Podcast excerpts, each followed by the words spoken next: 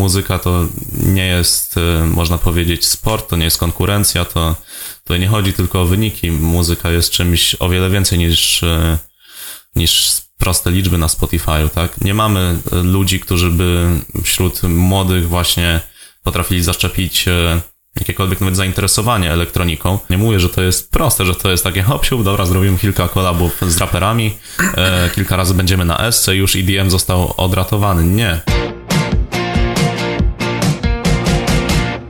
A shit, here we go again, tak moglibyśmy powiedzieć i wiele e, się nie pomylimy, ponieważ znów się widzimy w nowy rok, moi drodzy. Witam was bardzo gorąco, to jest Shining Beats Podcast, pierwsze wydanie w roku 2022 i to nie byle jakie wydanie, tak jak sobie chyba, nie wiem czy mówiliśmy o tym rok temu, e, sobie obiecaliśmy, to znów widzimy się w tym samym składzie. Ze mną jest Kasper Jabłoński, Stonk Booster, o którym e, ciężko mi powiedzieć coś oprócz tego, że trochę się u niego zmieniło w ostatnim roku. Tak, e, miło Was widzieć. E, hej wszystkim i też słuchaczom na Spotify'u. E, fajnie się znowu zobaczyć. Myślę, że po bardzo ciekawym roku, po roku pełnym wyzwań e, zawodowych, muzycznych. E, w zasadzie nie wiem od czego zacząć, bo sporo się, można powiedzieć, pozmieniało. Z roku na rok dużo się zmienia. Myślę, że jakbyśmy się widzieli dwa lata temu, to ten... To już w zupełności. Tak, to naprawdę sporo się zmienia. E, tak jak ty dobrze wiesz, ostatni rok spędziłem praktycznie cały w Hiszpanii, e, pracując w agencji marketingowej, która nie zajmowała się rzeczami muzycznymi, tylko zdobywałem doświadczenie na innych polach, na polu w zasadzie sportowym. Mhm. I co tam y, ogarniałeś? E, sporo ciekawych rzeczy. Trochę, że tak powiem, twojej Formuły 1. Twojej? No, jesteś największym pasjonatem, jakiego znam. to twojej też. Naszej. Moja, twoja, nasza, jak mawiał klasyk.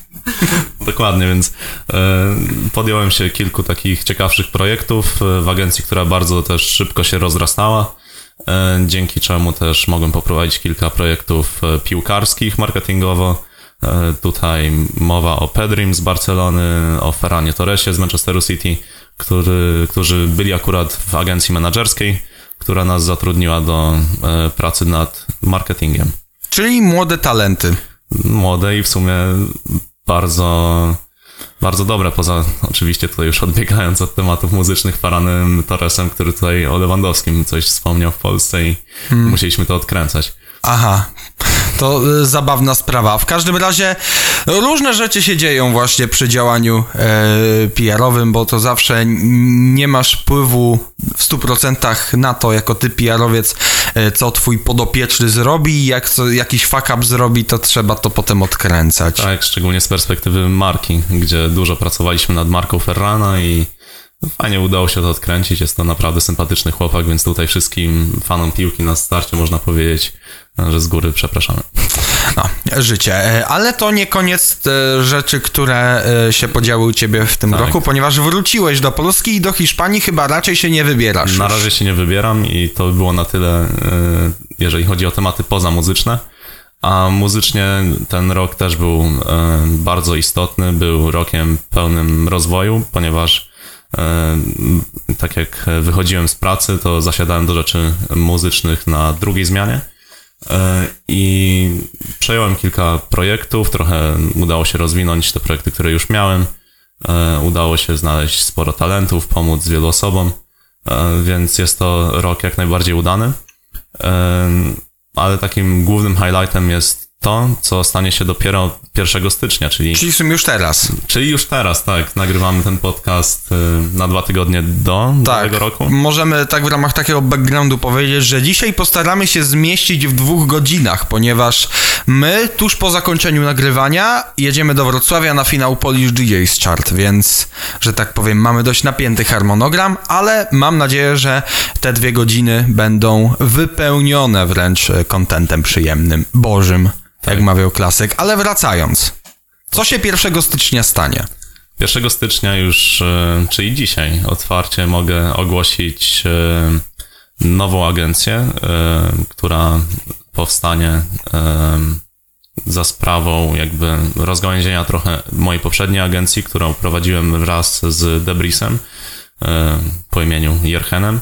Jerchen e, troszeczkę... E, Nasza społeczność może go dobrze kojarzyć. Dokładnie. Jerchen e, jest z Holandii, jest to osoba, która mi niesamowicie pomogła, jeżeli chodzi o wejście w świat muzyki elektronicznej.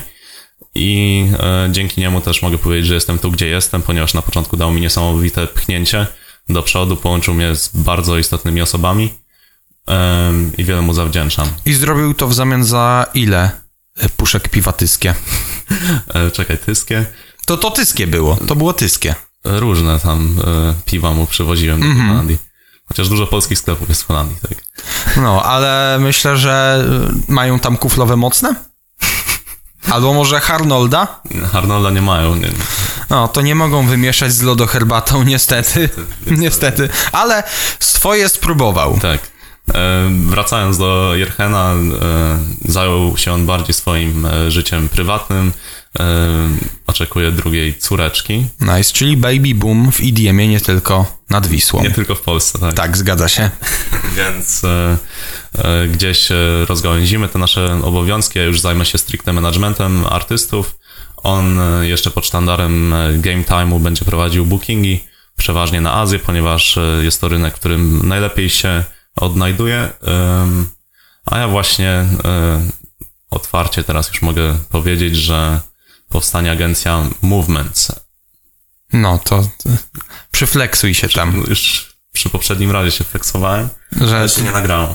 E, takie piękne logo. E, jak się pan jeszcze odwróci plecami, to jeszcze zobaczycie sobie, o właśnie, nie wiem czy to dobrze wybrzmiało, ale nawet jeżeli nie wybrzmiało, to znajdziecie to gdzieś w sieci z całą pewnością. tak. No już po 1 stycznia, więc Dokładnie. Mam nadzieję, że w opisie do filmu e, dasz link do mojej nowej strony internetowej. e, a to e, wiesz, e, faktura już zaraz na mail pójdzie, to się dogadamy. Może, bo z mojej strony pójdzie fakturka, to dopiero Za co? za, za cenny czas. Nie, no, bardzo fajnie właśnie się spotkać. E, Myślę, że jest sporo tematów do poruszenia, nie tylko o mnie i o moim rozwoju. Gdzieś ta scena cała poszła do przodu, gdzieś pojawiły się nowe wyzwania i w sumie od nowego roku mam jedno potężne, e, można powiedzieć, warmińskie wyzwanie. Potężny warmianin. Tak, e, mogę ogłosić już w sumie coś, co od Mleczny. miesięcy było w miarę e, trzymane w tajemnicy. Wiadomo, to już przy współpracy jakoś wychodzi od różnych ludzi, że już gdzieś tam z kimś działam, ale od kilku miesięcy działam managementowo ze Skytechem. Gdzieś połączyły nas e, te korzenie e, warmińskie i znaleźliśmy wspólną wizję. Fajnie nam się zaczęło współpracować i myślę, że w ten nowy rok wejdziemy naprawdę na, na pełnym gazie z, ze świeżą muzyką, z nowymi pomysłami i liczę na to, że 2022 będzie rokiem naprawdę udanym też dla Skytecha. No właśnie, mamy rok 2022, za nami rok 2021. Był to rok naprawdę specyficzny. Tutaj też gwoli wyjaśnienia, nasze spotkania nie polegają tylko na tym, że Kasper tu się będzie flexował, jaki to on nie jest super. Eee, No mówię. Ta, e, ale będziemy sobie mówić o różnych sprawach związanych z tym, co tam na tej polskiej scenie. I nie tylko e, ma miejsce. I przede wszystkim myślę, że mm, gdzieś tam przez ten rok nie wiem jak tobie, ale mi przyszło do głowy coś takiego, co jest związane z tym, o czym mówiliśmy rok temu podczas e, podcastu, ponieważ bardzo dużo mówiliśmy o portalach streamingowych, o Spotify'u, który też zrobił jakby duży rozwój ten temat, ponieważ coraz więcej Polaków e, słucha właśnie w sposób legalny muzyki za pośrednictwem Spotify'a i wielu innych tego typu portali. No i też patrząc chociażby na nasz ranking Spotify'owy, gdzie gdzieś tam właśnie, jakkolwiek to nie brzmi, twój podopieczny Skytech jest cały czas dość wysoko. I mówiliśmy dużo właśnie na temat tego, jak sobie działać, ale wydaje mi się, że potrzebne będzie tutaj skorygowanie. I myślę, że to jest dobry moment. Tak, skoro jesteśmy na samym początku, nie?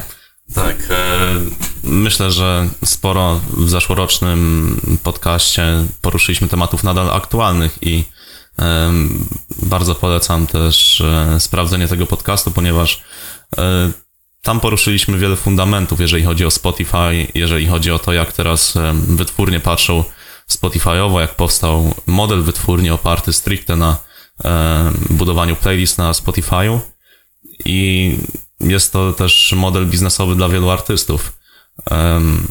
Więc teraz też pytanie, jak osiągnąć w takim modelu sukces. Przez ostatni rok wiele doświadczeń jakby pokazało, że niekoniecznie jest to mm, idealna droga dla artysty, wydawanie w labelach tak zwanych streamingowych i wielu artystów spodziewało się wysokich wyników, a niekoniecznie je osiągało.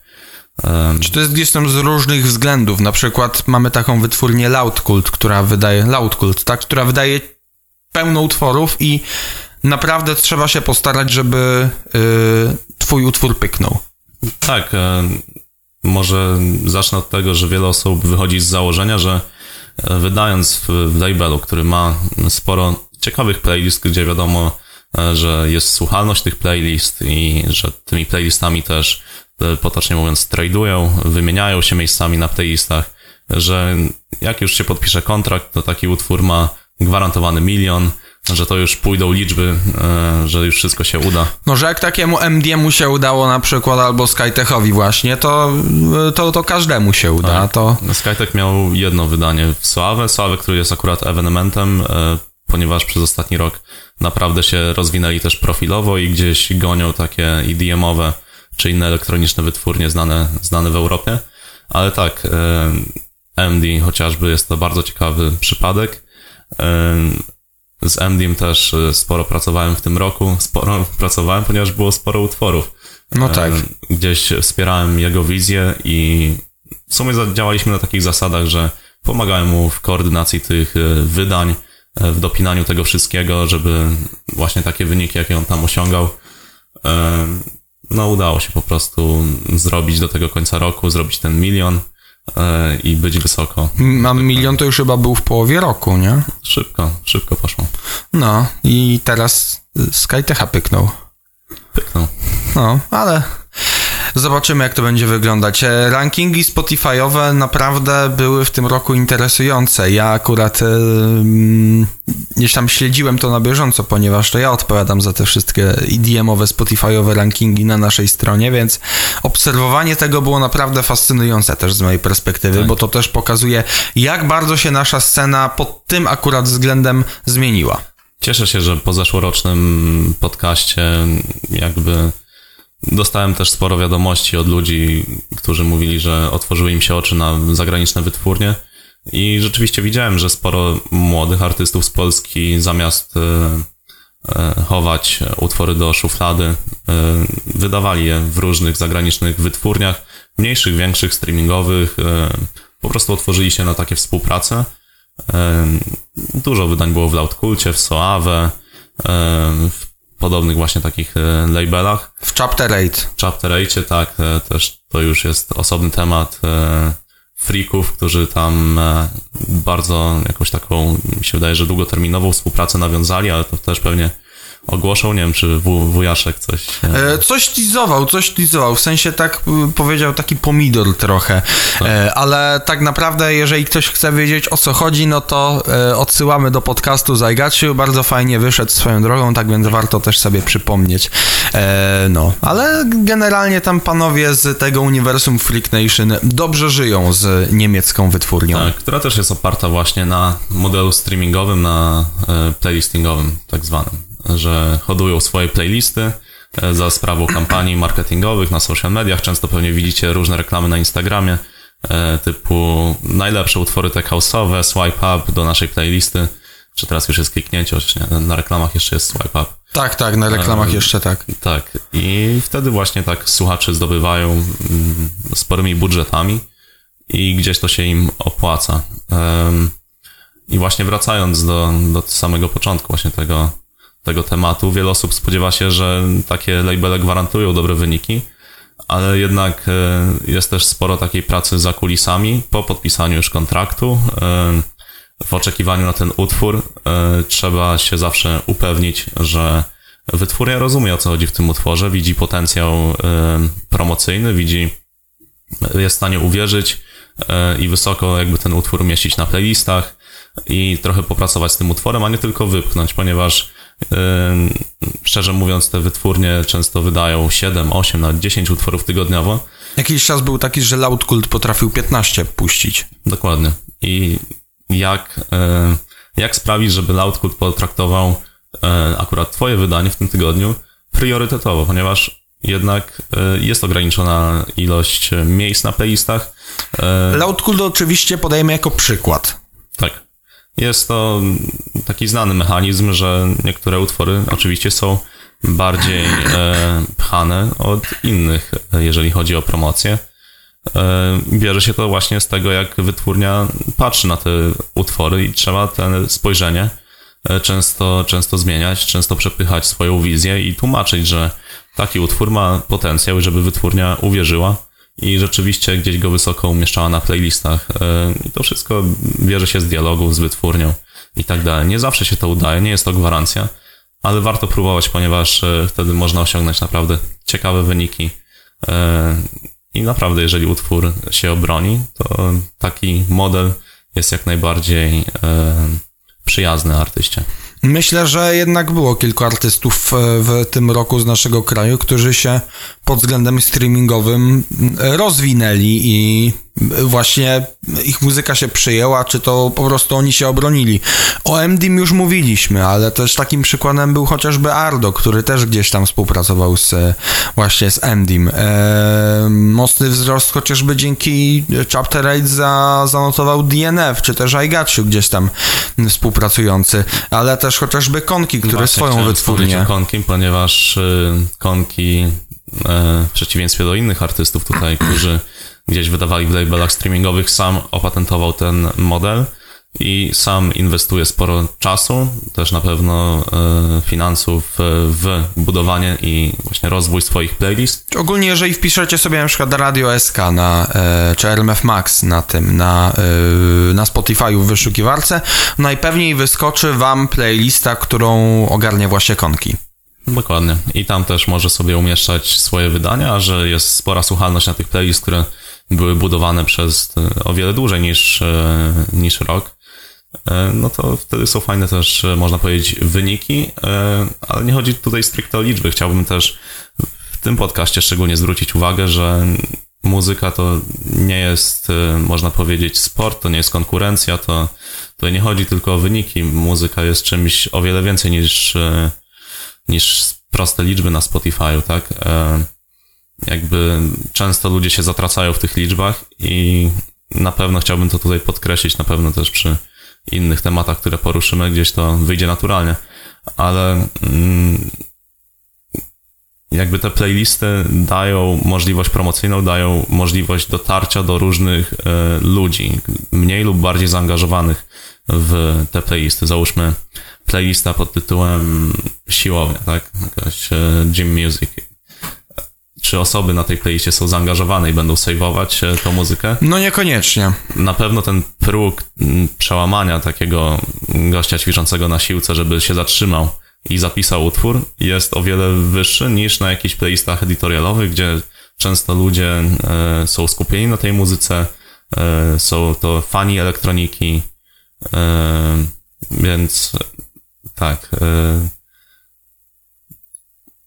Playlisty dają możliwość dotarcia do sporej e, liczby osób, tylko pytanie, co potem te osoby zrobią z tym utworem, ponieważ mogą odsłuchać, nabije się liczba, ale czy potem jest konwersja na fanów, czy jest konwersja na ludzi, którzy potem wrócą do twojej muzyki, to już jest inny zupełnie temat. Bo wiesz, na przykład z takim MDIM mam taki problem, czy z innymi artystami, którzy bardzo mocno się wybili pod względem streamingów, że oni mają bardzo duże liczby, ale nie zawsze się to przebija jakby na fanbase, na to, że na przykład do klubu przyjdą ludzie konkretnie właśnie dla tego artysty. E, I o ile na przykład MD jest pod tym względem na lepszej pozycji, ponieważ on już ma doświadczenie, on już jest trochę na scenie i on już miał bookingi, a ten Spotify przyszedł, że tak powiem, w międzyczasie, natomiast jest tam gro producentów, którzy są też na wysokich pozycjach u nas w rankingu Spotify'owym. Zresztą do tego współczynnika Monthly Listeners jeszcze sobie przejdziemy, bo to też jest, wydaje mi się, rzecz, którą warto gdzieś tam e, uplastycznić, jak mawia klasyk. I generalnie jest gro artystów, którzy mają duże wyniki, ale to się nie przekłada, wiesz, jak zobaczysz na ich Facebooka, na ich Instagrama, czy na ich TikToka, czy zobaczysz na przykład na nastroje w klubie, kiedy oni grają, to tutaj nie jest już aż tak dobrze, nie? Tak, możesz mieć miliony e, odtworzeń, ale ilu masz tak na dobrą sprawę fanów? To, że trafisz na 20 playlist, które właśnie gdzieś tam lecą w różnych miejscach i różne tak zwane slapy latają, tak, na tych playlistach. Wczoraj byliśmy, Tak. e, tutaj ciekawy temat, byliśmy w pizzerii, Która nazywa się Placek Wolnica, bardzo dobra swoją drogą. lokowanie. Zamierzone lokowanie, bo to, Zamierzone. bardzo, bo to bardzo dobra Nie, pizzeria bardzo jest w Krakowie. i e, leciała akurat playlista e, wytwórni Magic Records, jednej z wytwórni streamingowych. Playlista, Tak. którą zweryfikowaliśmy, że była to playlista Car Music, coś tam 2021. No, e, leciał sobie jakiś utwór, odpaliłem sobie na, na Shazamie, patrzę, o, Magic Records, to powiedziałeś, zaraz MD będzie. I był MD. No i co, kilka utworów później było Tokyo Drift, tak. Tak, i jest takie odtworzenie tego utworu. Em, Pytanie, ile osób rzeczywiście to szazamuje, ile osób potem się zainteresuje samą postacią, która ten utwór e, stworzyła. I tutaj zmierzam do takiego tematu, który mm, jest tematem trudnym, jeżeli chodzi o elektronikę, czyli, czyli fani, tak? Mamy fanów różnych utworów, ale czy koniecznie mamy fanów twórców e, elektronicznych? Tutaj już e, wchodzimy na temat budowy profili, budowy postaci. E, nie wystarczy mieć znanego utworu, trzeba jeszcze co, czymś ludzi zaciekawić. Nawet jeżeli będziemy mieli miliony streamów, to co sprawi, że ta osoba bardziej się tobą zainteresuje.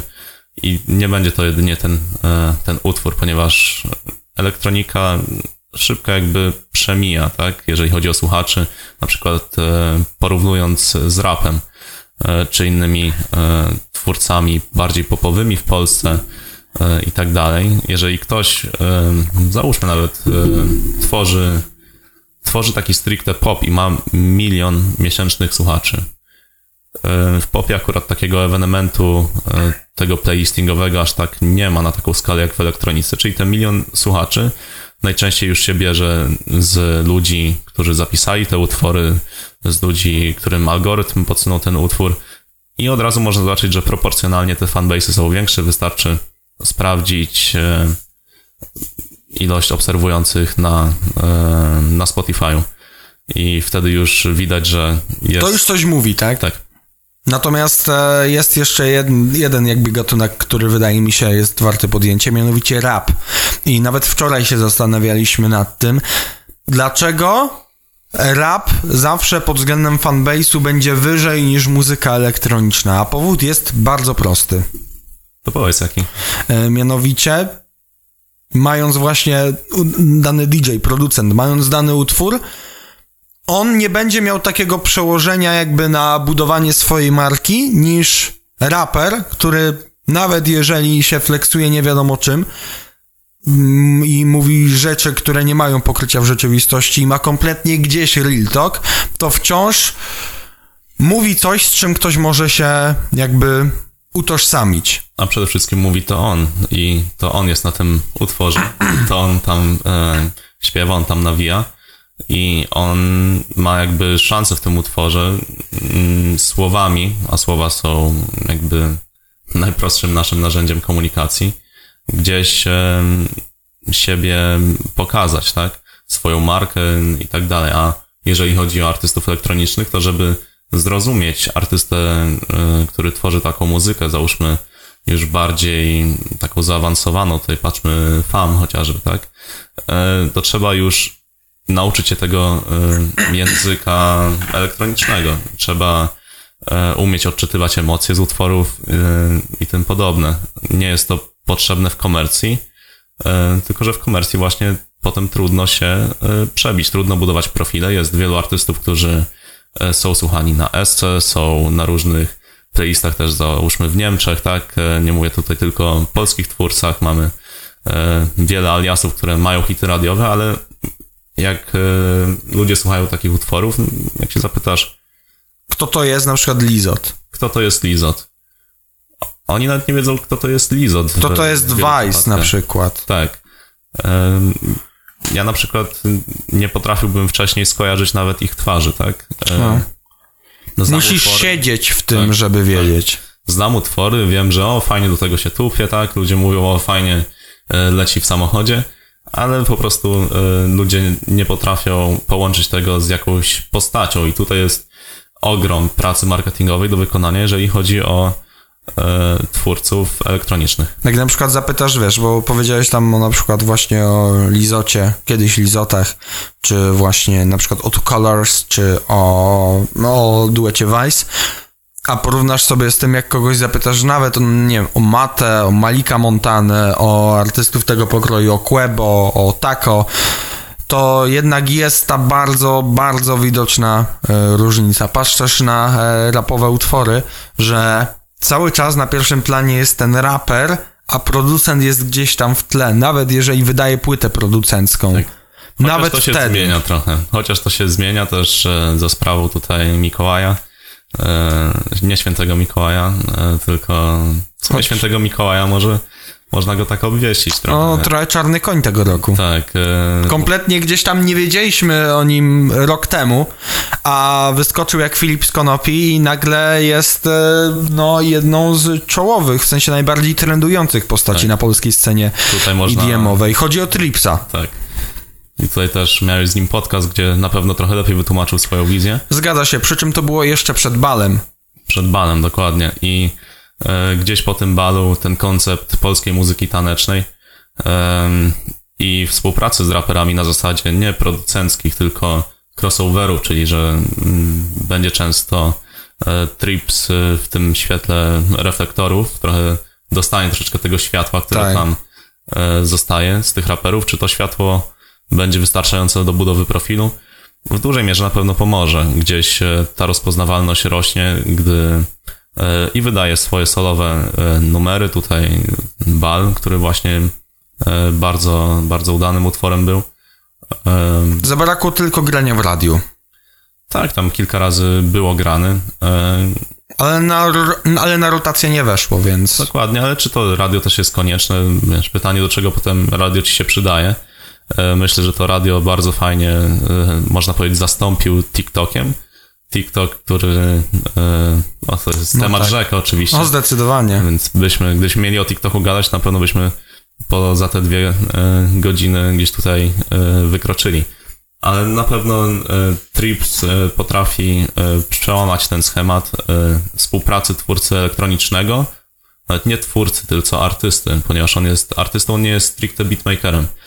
I e, gdzieś z taką narracją podejść do współpracy z raperami. Takie podejście na pewno ułatwia, e, czy otwiera drzwi wielu innym e, producentom elektronicznym, którzy powinni się odważyć i zamiast e, współpracować na zasadzie sprzedam ci ten beat za 200 zł, to Zróbmy kolaba. Zróbmy kolaba. Przecież tam jest część mojej twórczości. Przecież tam trochę też jest mnie, ten cały beat, cały vibe tego utworu, to jestem ja, tak? Więc warto gdzieś w tym kierunku zmierzać i Mikołaj na pewno e, fajnie przeciera te ślady. No dobra, ale niektórzy ci wtedy powiedzą i będą mieli w tym trochę racji w mojej opinii. No dobra, będziemy mieszać się z tymi raperami, a gdzie jest to, z czego my wyszliśmy? Jakby, czy mamy o tym kompletnie zapomnieć i robić jakby dla sukcesu komercyjnego kolaby z raperami kompletnie pomijając mm, jakby taneczną muzykę elektroniczną, z której gdzieś tam się wywodzimy i którą zazwyczaj gramy w klubach? To może rodzić pewien gdzieś tam problem, który może mieć później wpływ, i zresztą słyszałem już takie głosy, na to, jak ludzie bawią się w klubach. Słyszałem takie opinie, że mm, przez tę pandemię, przez te ostatnie miesiące zmieniło się to, że coraz częściej młodzi ludzie w klubach proszą o rapowe utwory. W klubach, gdzie, było, gdzie, był, gdzie był grany EDM na przykład. Że gdzieś tam ten wektor trochę poszedł w inną stronę. Tak, no w ogóle temat e, muzyki klubowej w Polsce jest tematem Oj tak. bardzo ciężkim. E, Powiedzmy sobie szczerze, to ten temat leży. Nie mamy e, ludzi, którzy by wśród młodych właśnie potrafili zaszczepić e, jakiekolwiek nawet zainteresowanie elektroniką i nie stanie się to za sprawą utworów e, niszowych. Mm, myślę, że musiałby powstać jakiś twórca, artysta w Polsce, y, który osiągnąłby naprawdę globalny sukces i mówimy, mówimy tutaj o naprawdę takim sukcesie, y, że zagrałby, załóżmy, na topowych festiwalach, tak, y, No tak. że byłby prawdziwą gwiazdą, która miałaby following z całego świata. Załóżmy przynajmniej pół miliona followów, tak? Na, na Instagramie, gdzieś legitnych, niebotowanych. No tak. To też wa- warto podkreślić. No, bo niektórzy gdzieś tam w tym roku próbowali podbić dość mocno swoje profile. No byli też tacy. Tak. I e, mówimy tutaj o prawdziwym jakby e, success story, żeby ktoś potrafił zainspirować swoim świeżym brzmieniem, ale no nie jest łatwo, czy żeby ktoś z Polski niszowy potrafił osiągnąć e, sukces światowy. Jest paru twórców, które, którzy e, gdzieś jakieś kroki ku temu małe, można powiedzieć, że ra- raczkują i e, chwała im, im za to, ale e, spójrzmy na obecny stan e, muzyki w Polsce i jaki procent stanowi muzyka elektroniczna. Mm, Myślę, że takie komercyjne utwory potrafią przyciągać słuchaczy e, do mm, muzyki różnych, e, różnych twórców. Powiedzmy, na, na przykład Invisible Dress, nie? Tak. jak mamy taki utwór, to mimo wszystko gdzieś jakieś zainteresowanie Skytekiem się pojawia. E, Nie mówię, że bezpośrednio. To nie jest tak, że ktoś słyszy ten utwór i mówi... I od razu wie, że to jest od Skytecha, nie? Tak, ale mówi sobie, dobra, sprawdzę, kto to jest Skytek, na pewno chcę poznać jego twórczość, to by było zbyt proste. Ale pośrednio, czyli załóżmy, że na podstawie tego hitu Skytek jest zabukowany gdzieś na jakiejś imprezie bardziej popowej. E, przykład Juvenalia w Krakowie Tak. na których zresztą byłeś i widziałeś, że e, dało to platformę, dało to godzinę e, Mateuszowi na pokazanie swojej muzyki ludziom, którzy albo go nawet nie kojarzą, ale gdzieś tam powinni zacząć kojarzyć, ponieważ pojawił się w line-upie między dwoma raperami, tak? Przed Tymkiem, jeżeli dobrze pamiętam. Tak, przed Tymkiem. I najzabawniejsze było tam tak, że jakby pierwszy rząd miałeś młode panie, które n- było czytać z ich twarzy niech ten pajac już skończy, dawać mi Tymka. Tak, i to na pewno są e, zagarzali e, fani, tak, e, Tymka, ale jednak było widać, jak ludzie potrafili się bawić do Future Rave'ów chociażby. Ludzie, którzy No. absolutnie widać, że nie przyszli tam dla Mateusza, a jednak jest potencjał, tylko trzeba właśnie naprawdę ruszyć na pełnej z promowaniem, z jakby można powiedzieć, penetracją tego rynku, jeżeli chodzi o tą elektronikę i robić to na wszelkie możliwe sposoby. E, Nie wybrzydzałbym, e, jeżeli chodzi o nawet Slap House, nie wybrzydzałbym jako, e, jak patrzę na właśnie polską muzykę taneczną w wykonaniu Tripsa, czy inne różne crossovery, ponieważ nie jesteśmy w pozycji, żeby wybrzydzać, trzeba łapać jak najwięcej tych ludzi i dopiero potem, jeżeli ktoś się zainteresuje za sprawą takiego przyciągnięcia e, twórczością, e, czy raczej daje to możliwość takiej osobie e, sprawdzenia innych utworów, które na przykład w przypadku Mateusza masz podział między komercja, utwory bardziej EDM-owe. Jeżeli ktoś przyjdzie, wejdzie na jego profil, posłucha, nie wiem, nawet jakiegoś starego Tigera i powie ej wow, to jest super, w ogóle to ma dużo milionów, to jest znane, to jakiś sukces odniosło. I gdzieś ta świadomość wtedy dopiero będzie się pojawiać, ale e, pytanie właśnie, jak ściągać tych ludzi, którzy, czy młodzież przede wszystkim, bo jakby, To młodzież jest najważniejsza w tym momencie na, na tym rynku, tak? tak, gdzieś te wszystkie pokolenia elektroniczne gdzieś uciekają. Mamy tutaj oczywiście bardzo e, ciekawą kulturę też transu wśród e, starszych odbiorców. Tak zwana Stara Gwardia, Stara Gwardia, tak. jest ewenementem trochę, jak patrząc na inne, na inne rynki. Oczywiście jest to, jest to piękne w zasadzie, jeżeli pomyśleć to o tym z ich perspektywy, ale gdzie jest ta młoda gwardia? Gdzie są ludzie, którzy przyjdą i powiedzą, dobra, chciałbym posłuchać, e, nie wiem, Akrejza jak przylecili do Polski. Na przykład. Tak.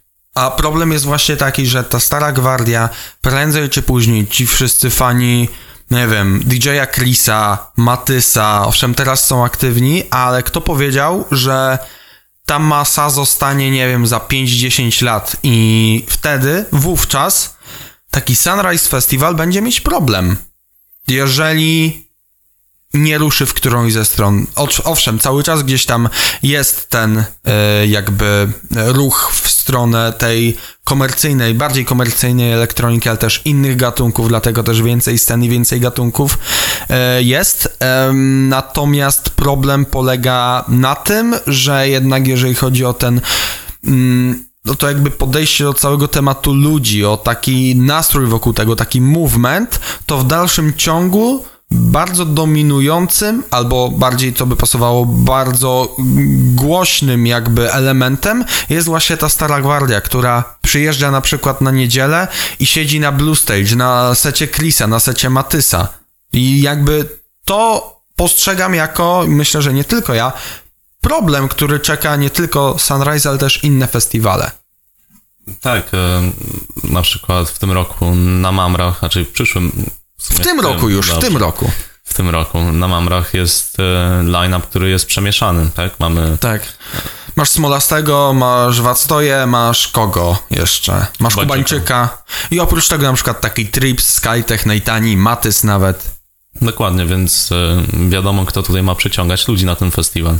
Jest to fajna strategia, moim zdaniem też e, takie crossovery, wracając do, do tematu, takie crossovery mogą nam więcej pomóc, jeżeli będą E, dobrze zorganizowane niż zaszkodzić. Przyciągną ludzi, a potem czy jakąś jakością ich zatrzymamy, czy pomału właśnie zaszczepimy w nich ciekawszy EDM, no to to już też zależy od artystów i też od tego, jak się taka muzyka będzie przyjmować. Spójrzmy tutaj na, e, na to, jak sami wchodziliśmy w elektronikę. Nie zapominajmy, że nie zaczynaliśmy od najbardziej niszowych kawałków. Zaczynaliśmy od tego, co było grane w radiu.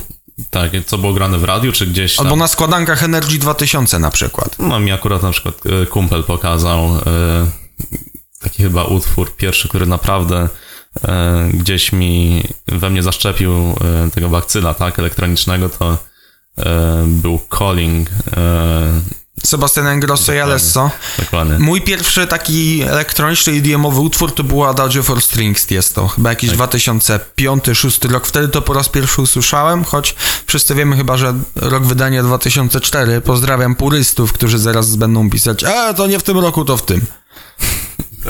Tak. E, Do purystów jakby EDM-owych też za chwilę przejdziemy, bo tak. to też gdzieś tam jest temat jakby pokrewny do I tego, o czym mówimy teraz. właśnie e, wtedy była akurat ta golden era, tak? E, spinning, tak. tych wszystkich e, big roomów, więc to był taki movement, który przyciągnął wiele osób. Ja też dzięki temu zacząłem słuchać tak bardziej EDM-u, więc... Tak. I teraz pytanie, e, jaki będzie następny ruch na skalę światową, e, który będzie w stanie przyciągnąć e, szersze grono odbiorców do elektroniki, ponieważ Big Room niestety się skończył, tak? Wraca on na e, festiwalach, wraca, ludzie nadal grają to w setach. Wystarczy spojrzeć na sety e, większych, e, większych artystów na dużych festiwalach. To Big Roomy z 2016-17 tak. jeszcze są ogrywane i działają świetnie. Dalej są producenci, którzy w tym siedzą, tak? Oczywiście, tylko właśnie ta muzyka już nieczęsto wychodzi, można powiedzieć no to kolokwialnie trochę mówię, tak, że się skończył. Czyli jest gatunek dużo... się nie kończy, tak. gatunek po prostu maleje. Jest dużo utworów, jest dużo artystów, ale oni nie mają takiego impaktu jak e, to, co się działo w latach 2013, 2012, 2014, czy nawet jeszcze 2015. Bo zresztą ostatnio puściliśmy tekst na temat tej epki Blaster Jacksów, którzy cały czas te big roomy wydają. E, I generalnie ktoś się doczepił o to, że my uznaliśmy, że kiedyś ten gatunek był na topie, a teraz już tak niezbyt. Tylko, że właśnie na tym to polega, że ten gatunek faktycznie kiedyś był tak, a teraz jest no niżej.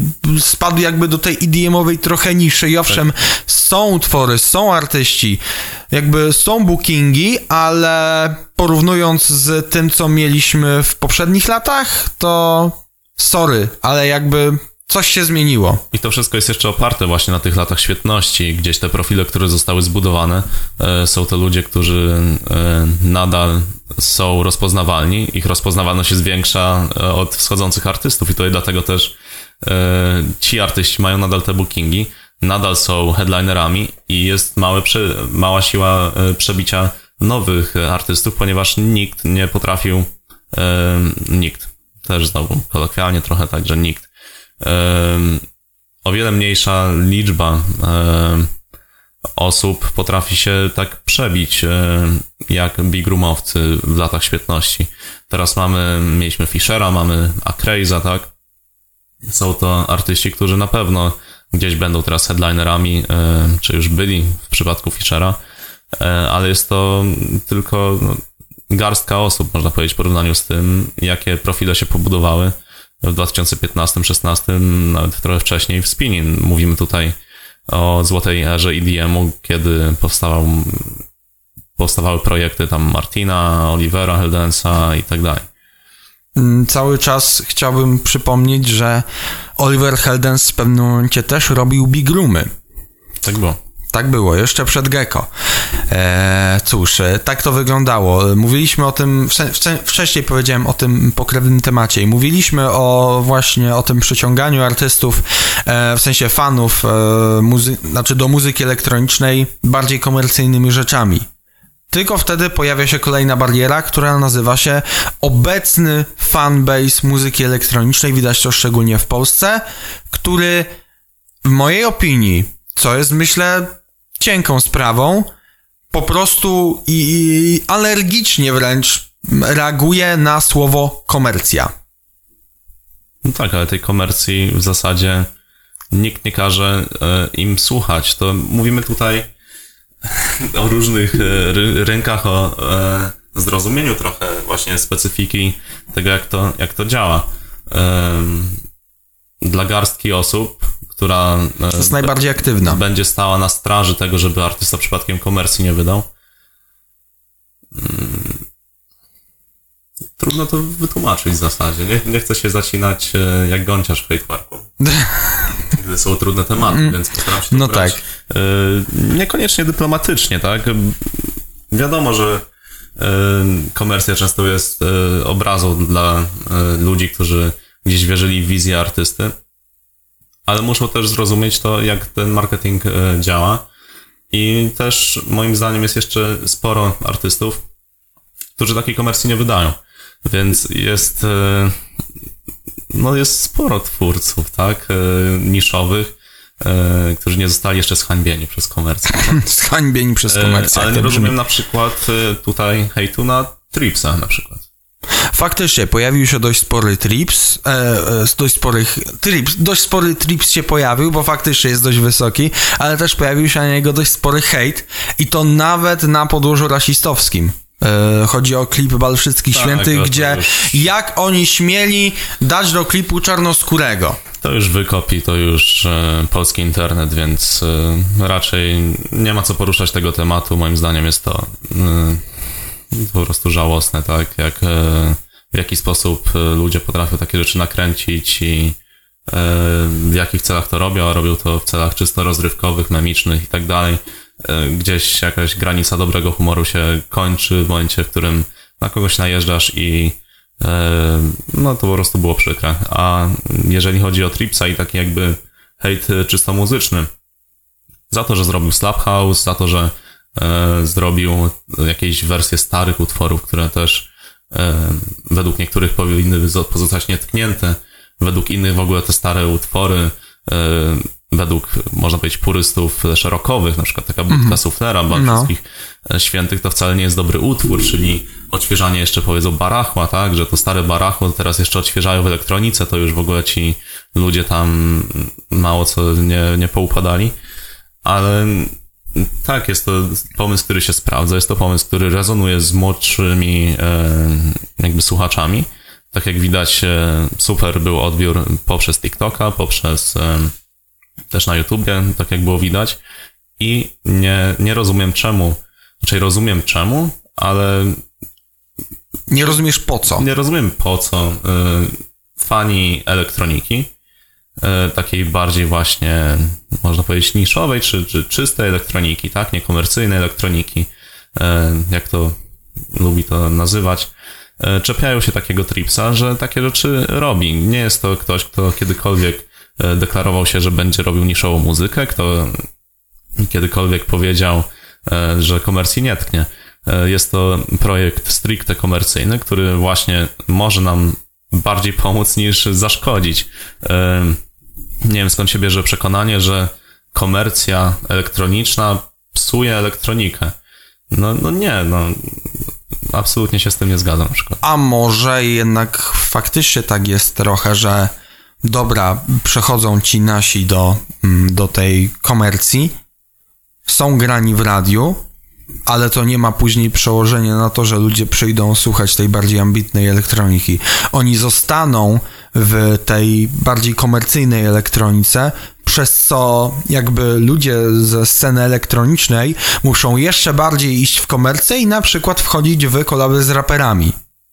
I tak i nie. Bo jest takie ryzyko, musisz przyznać. Jest ryzyko. E, to ryzyko wiąże się z tym, jak, e, w jaki sposób zostanie e, wyegzekwowany marketing wokół tego, czyli czy będzie to dobrze poprowadzone. Ja nie mówię, że to jest proste, że to jest takie hop dobra, zrobimy kilka kolabów z raperami, e, kilka razy będziemy na SC, już EDM został odratowany. Nie. Tak jak mówiłem, jest to złożone, bierze się to potem z występów, z koncertów, e, z bardzo szerokiej właśnie promocji, e, dobrze przemyślanej, potem tej bardziej ambitnej muzyki, przyciąganiu do twórców bardziej e, niekomercyjnych to wszystko sprawdziło się już na świecie. Tutaj mówimy też o twórcach, którzy potrafią teraz wydawać komercję i przyciągać ludzi do EDM-u. Spójrzmy, e, prosty przykład Tiesta. Bardzo prosty przykład. Tak naprawdę dzięki temu przyjściu do tej powiedzmy komercji, robieniu kolabów z, z największymi gwiazdami, dopiero wtedy chyba o Tiesto usłyszał świat. Bo wcześniej miałeś to Traffic, Adagio for Strings i tym podobne. To jest niezależnie od tego, czy jest to ten utwór zrobił, czy zrobił to jego ziomek, ee, czy jego team, to w dalszym ciągu jest są to gdzieś tam naj, jedne z najbardziej ikonicznych utworów, e, jeżeli chodzi o nasze europejskie pojmowanie tanecznej elektroniki, ale świat ogólnie usłyszał o nim dopiero przy tych komercyjnych rzeczach, więc to też faktycznie pozwala przyciągać ludzi do, do naszych, tak. znaczy do naszych jakby rewirów, aczkolwiek pytanie, czy to zadziała w kontekście, bo to zadziałało w kontekście globalnym, ale czy to zadziała w kontekście lokalnym, jeżeli mówimy o lokalnych artystach? Trzeba spróbować. No tak. I... Trzeba spróbować, ponieważ e, mamy Tiesta, który potem przyciąga ludzi na koncerty, ale nie gra w wersji radiowych swoich utworów, czy rzadko kiedy y, gra. Robi to w mashupach, y, puszcza ambitniejsze, bardziej EDM-owe tutaj traki trochę ambitniejsze, to pojęcie względne, ponieważ jeżeli ktoś wychował się na transach e, Tiesta, no to niestety... To może to za komercyjne no nie, no, gówno. No, niestety, no to był ten koszt, jakby ta grupa odbiorców trencowa to, to był koszt, który Tiesto poniósł przechodząc do... Za to, żeby zyskać o wiele więcej. Tak, no to się troszeczkę przebranżowił, trochę ta marka się e, zmieniła taki był tego koszt i, i, z perspektywy na przykład fana trensu no jest to przykre i na pewno też współczuję takim fanom. Na pewno znajdą też innych, można powiedzieć, bohaterów. Niech szukają nowej muzyki trensowej. Mamy też e, ciekawych twórców e, w Polsce i, i za, granicą, za, za granicą. Trzeba szukać takich artystów i ich wspierać, a nie tylko przyczepić się do tych e, bogów, którzy gdzieś tam są u góry. Tiesto zmienił, to przekształcił tą swoją markę, zrobił to na tyle skutecznie, że jest teraz jedną z najbardziej rozpoznawalnych postaci nie tylko w EDM, ale też można powiedzieć w popie e, trochę tak. międzynarodowym. I potrafi przyciągać ludzi na swoje sety, gdzie e, promuje muzykę e, niekomercyjną. I myślę, że to jest taki mechanizm, który można gdzieś też w Polsce próbować uskutecznić. I jeżeli nie spróbujemy, to się nie dowiemy, ale tutaj też się pojawia problem klubów w Polsce, tego jaka muzyka jest grana w klubach w Polsce, w jaki sposób te kluby są zarządzane, jakie jest spojrzenie na artystów, a mm, też jakie jest spojrzenie na DJ-ów. E, pojawia się temat Wixy, to pojawia się temat mm, tego, do czego się ludzie bawią i jacy ludzie przychodzą do klubu. To jest bardzo złożony problem w Polsce, ponieważ było to zaniedbane przez lata. Gdzieś od tej ery transu można powiedzieć, że żaden z tych e, późniejszych gatunków EDM-owych się nie zagospodarował. Nie zagospodarował, tak. Nawet Big Roomy, e, z tego co dobrze kojarzę, zresztą jak sam zaczynałem jako DJ, boże, dobre 8 lat temu, jeżeli nie skłamię, jakoś 7-8 lat temu, gdzieś mhm. pierwsze swoje sety gdzieś grałem na różnych imprezach też e, lokalnych. Taka była moja geneza i fajnie teraz to zatacza koło. E, ale już wtedy te big roomy, które były bardzo popularne na świecie, nie miały takiej siły przebicia na imprezach. E, I nie było imprez stricte big roomowych. Teraz spójrzmy na taki house movement, który mi się wydaje, że teraz jest na topie. Te house'y, house'y e, bardziej są teraz, e, można powiedzieć, na topce EDM-u, to można też zweryfikować przez różne rankingi i tak dalej, popularności, albo też przez hity typu Do It To It. Które potrafią nawet w SC lecieć. Potrafią na SC, są... Tak, od kilku dni, tak jak teraz nagrywamy, leci to normalnie w dziennej rotacji, co tak. nigdy byś o tym chyba nie pomyślał. Tak, ponieważ to już było niezaprzeczalne i tak się długo radio opierało w Polsce takiej e, muzyce, ale jednak sukces globalny sprawił, że i też wyniki globalne, no, że nie mogą odmówić temu utworowi. Tak. Ten utwór jest, e, o ile dobrze sprawdzałem, praktycznie w top 20 na ten e, moment na Spotify globalnym najbardziej streamowanych tak. utworów pomiędzy Pepas i jakimś... I czymś od Eda Sheerana. Dokładnie, i Bad Habits w tym momencie. A, Wiemy, tak, jak, tak, jak to. duży jest Bad Habits, tak? E, więc... E... Przy czym Bad Habits też już swój prime ma za sobą. Dokładnie, więc... dokładnie. E, więc patrząc na te kluby w Polsce, czy taka muzyka jest grana, wątpię, jeżeli w ogóle, no to jakaś klubowa, klubowy szybki bootleg Do It To It, czy mashup i, i tyle. I nadal jedziemy z tym samym klimatem. Troszeczkę od Wixy może to się... E, przekształcać w jakiś bass house, ale to są i tak lata świetne za tym, co jest ogrywane w Europie i na świecie, tak. No tak, no ale jakby to jest takie trochę nasze polskie piekiełko. Takie odnoszę wrażenie i e, my się tutaj staramy przynajmniej starać na tyle, na ile możemy, ale może faktycznie na to wygląda, że trzeba jeszcze bardziej. Tylko pytanie, jest czy ci ludzie mają, czy ci ludzie mają jeszcze na to siłę? Jest to wypadkowa najzwyczajniej zainteresowania elektroniką w Polsce. Tak jak mówiliśmy, to zainteresowanie jest bardzo małe, więc e, gdzieś powstała kultura Wixy i Wiadomo, że też poza EDM-em też mamy bardzo fajnie rozwiniętą w Polsce kulturę techno. E, szczególnie gdzieś e, w Warszawie, też nie wiem jak to wygląda w Krakowie.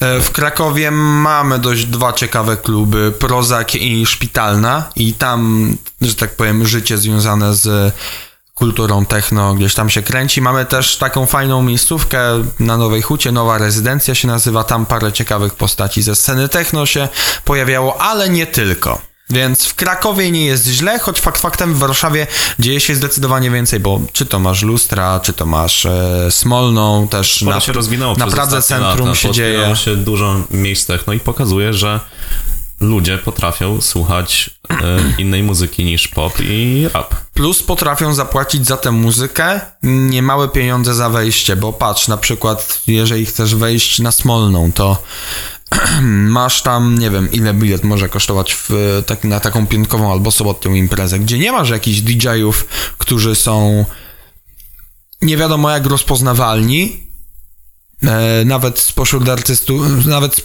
e, wśród fanów, którzy nie siedzą aż tak e, w techno, to tak czy tak te 4 albo 5 dych zapłacisz za wejście. I teraz spójrzmy, jeżeli mm, tutaj troszeczkę mówiliśmy o czerpaniu z rynku komercyjnego, tak? E, jeżeli chodzi o odbiorców potencjalnych EDM-u stricte, mhm. E, o którym tutaj mówimy, to teraz patrzmy też na e, jak można za, zaczerpnąć z tej grupy mm, osób techno, tak?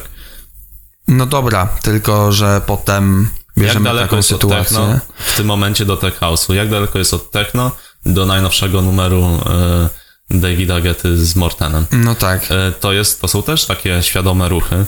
E, świadomie ta scena skręca, ponieważ techno przez ostatnie lata było bardzo popularne i gdzieś z tamtej e, będzie taki magnes troszeczkę przyciągał tak, tak, tą muzykę. Że niektórzy gdzieś tam się zbliżą do tego. Zbliżą się, zobaczą, ej, fajny utwór, troszeczkę inny vibe i akurat trafi w gusta tych osób, tak? Future Rave też jest E, gdzieś w tym kierunku skręcającym jakby EDM-em. Może nie aż tak e, bezpośrednio, na przykład jak niektóre tech house'y, e, ale, ale rzeczywiście tak. W międzyczasie robię tak zwane podpięcie, żeby wszystko się zgadzało. No, wracając do, do tematu, bo chciałem w ogóle podjąć to, że powiedziałem o tych właśnie cenach biletów, na przykład na Smolną i patrz, tam za występ e, jakiś owszem, zagranicznych artystów, ale nie będących jakoś bardzo rozpoznawalnych, zapłacisz 4-5 dych. U nas, jak rzucisz nawet jakiegoś zagranicznego artystę, to jak każesz zapłacić dwie albo trzy dychy, to już będą stękać. Takie jest zainteresowanie, taki, taki jest rynek, e, taka jest zbudowana grupa odbiorców, e, też często mało zaangażowanych, zaangażowanych e, na tyle, że już przy takiej cenie może być problem, tak? No tak, i wiesz, Nie to... jest powiedziane, że przy ludziach właśnie słuchających techno, że ludzie też nie stękają na te 40-50 zł. To nie są małe pieniądze za, za imprezę oczywiście, Ale masz pełny klub. ale masz pełny klub, ponieważ masz tak dużą grupę docelową. To są e, proste mechanizmy ekonomii, tak? Że e, gdzieś jednak e, to zainteresowanie gdzieś się spotyka z tą ceną i, nadal się zapełniają te kluby, a nie wiem jak nisko musielibyśmy, w zasadzie darmowe powinny być imprezy EDM-owe, żeby niektóre kluby się zapełniały.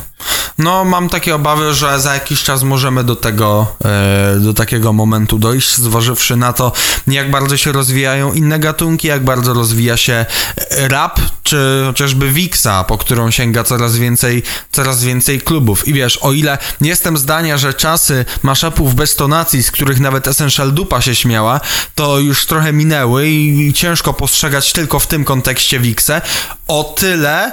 E, patrząc na tę całą kulturę, ja odczuwam pewien zgrzyt, o ile nie zakazuję oczywiście nikomu się bawić na swój sposób. Jeżeli dana muzyka komuś się podoba, to fajnie, bo muzyka jest przede wszystkim od tego, żeby człowiek się dobrze czuł, coś z tego wyciągnął. A jeżeli Wixa daje komuś taki e, od, od, jakby mm, odpowiednią ilość tych endorfin potrzebnych do tego, aby czuć się dobrze, żeby się odmurzyć po ciężkim weekendzie, super, super sprawa, nie? E, natomiast e, pod względem gdzieś tam jakościowym mam też troszeczkę taki um, taką awersję do gdzieś tam nawiązywania do narkotyków i tym podobnych rzeczy, aczkolwiek jakby rozumiem, że yy, na tym trochę polega zabawa, ale pod pewnymi względami czuję pewien taki e, lekki, lekki zgrzyt, choć też artystów wiksiarskich szanuję, bo jednak wybić się nawet na takim rynku trzeba umieć. No jest to dosyć specyficzny e, rynek, w którym, o którym niewiele wiem, więc też e, niewiele też będę mówił. Znam różnych artystów e, z Wixy, ale myślę, że nie jestem właściwą osobą, żeby się wypowiadać na, na temat Wixy w kontekście właśnie specyfiki rynku, jak to tam wygląda od kuchni. Ale ciekawym też mm, Ciekawym przypadkiem w tym roku, y, o którym chciałem wspomnieć, y, była osoba, która się wywodziła z Wixy, mm-hmm. a y, jednak udało się, można moim zdaniem powiedzieć, odnieść sukces międzynarodowy poprzez współpracę z Wax Motifem. Tak, chodzi o producenta nazywającego się Julas, który ma też swój inny alias. I tu zawsze mam problem, jeżeli chodzi o wymowę. Jak to powinno być, bo ty chyba wiesz. Nie, ty wiesz lepiej. Pro, proszę bez takich. Proszę bez takich. Wiesz co, ja żeby nie popełnić babona, to sprawdzę dokładnie na, na Spotify'u, bo słucham nawet sobie czasem tego kolabu. To znaczy, wiesz, wiem jak się to pisze, ale chodzi o wymowę. MD akurat do mnie dzwoni. Ja wyłączyłem tylko tryb samolot już do mnie. No, już dzwoni, nie? On ma może jakieś powiadomienia, nie? E, wydaje mi się, że y, mówi się e, Szachaj. Szachaj. Chociaż nie wiem, czy to się dokładnie tak wymawia. E, Najwyżej nas naprostują, nie? tak, odnośnie akurat ciężkich nazw, to, to sam nazwałem z Pawłem nasz duet Sius Plow, więc no tak. gdzieś tak, zabawnie. Ale mm, Szachaj zrobił utwór z Wax Motifem. Jak mm. do tego doszło, nie wiem. Ale się udało. Ale się udało i to pokazuje, Wcześniej że... wydawał u AC Slatera chociażby. Oczywiście. I to jest super, że można mm, gdzieś z takich korzeni trochę, można powiedzieć, wiksiarskich, tak? E, jeżeli troszeczkę doda się do tego jakości, doda się ambicji e, i na pewno ciężkiej pracy, ponieważ są to szlaki nieprzetarte, e, można gdzieś się przebijać międzynarodowo.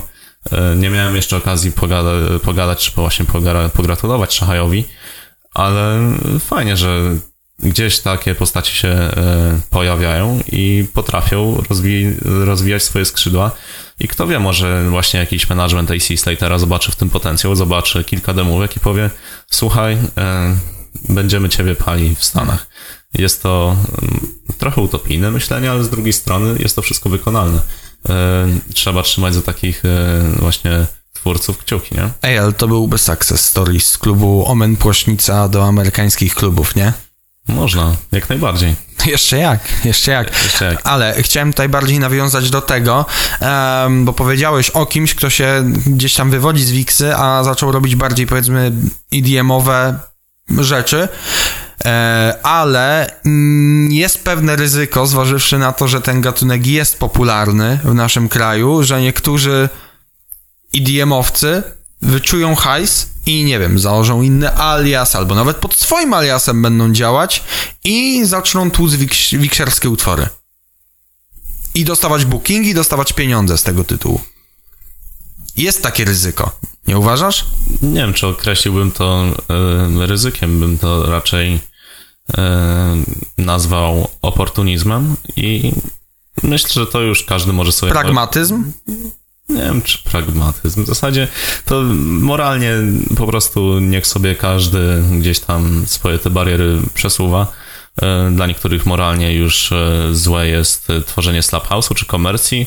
E, inni zakładają inne aliasy, żeby robić wixe i spieniężać to. Słuchaj, jeżeli przeka- raczej te pieniądze przeznaczą na swój rozwój IDM-owy, czy to jest aż takie złe? I tutaj już wiesz, są takie różne różne dylematy, tak? Są to i tak naprawdę, moim zdaniem, nieznaczące mm, dla całości rynku jakby ewenementy i niech każdy robi to, co chce. Myślę, że nie skupiałbym się na takich e, jednostkach po prostu. Rynek jest tak duży, jest taką machiną, jak spojrzymy na całokształt e, muzyki, że dla wszystkich znajdzie się miejsce i jakieś takie drobne ruchy naprawdę nie będą miały większego wpływu na całokształt. Mm, e, lubię, twój, lubię twój optymizm, tak powiem. Natomiast e, teraz, bo powiedziałeś wcześniej o Slaphouse'ie i my rok temu się zastanawialiśmy na temat Slaphouse'u, więc myślę, że możemy wrócić do tego tematu, bo zastanawialiśmy się, czy ten Slaphouse sobie umrze, czy jednak nie umrze. No, na razie jakoś żyje. Jakoś żyje. Myślę, że twoja Ale... teza była taka, że że umiera. Już mówiłeś, jeżeli dobrze pamiętam, w zeszłym roku. Mm. Mówiłeś, że już Slaphouse... Nie pomnę. Jest raczej na wykończeniu i pytałeś się, czy w ogóle będzie istniał w 2021. I gdzieś e, po części wydaje mi się, że ta moja teza się sprawdziła, że Slaphouse gdzieś wsiąknie w tą komercję, że nie będzie już aż tak... E, Wiodący. Tak, wiodący. E, gdzieś to brzmienie będzie się przekształcać, czyli właśnie ze slapu na deep, teraz nowy Lizot, który jest takim... Bardziej techowy. Tech slapem, można powiedzieć, no. tak? E, czy komercją, która jest zrobiona na tech house. E, te numery slapowe będą z nami, mi się wydaje, będą po, powstawać, będą lecieć w radiu. Nie będzie to aż taka saturacja, ale na pewno moim, moim zdaniem E, gdzieś e, zostaną w tej komercji na, na wiele lat, tak jak niektóre podstawowe brzmienia e, też zostały w komercji na lata. Typowe, proste zabiegi w muzyce tanecznej, które się sprawdzają komercyjnie i gdzieś do tych narzędzi te slap brzmienia dołączyły i zostaną moim zdaniem. No tak, wróćmy sobie teraz do portali streamingowych, bo podjęliśmy ten temat na samym początku.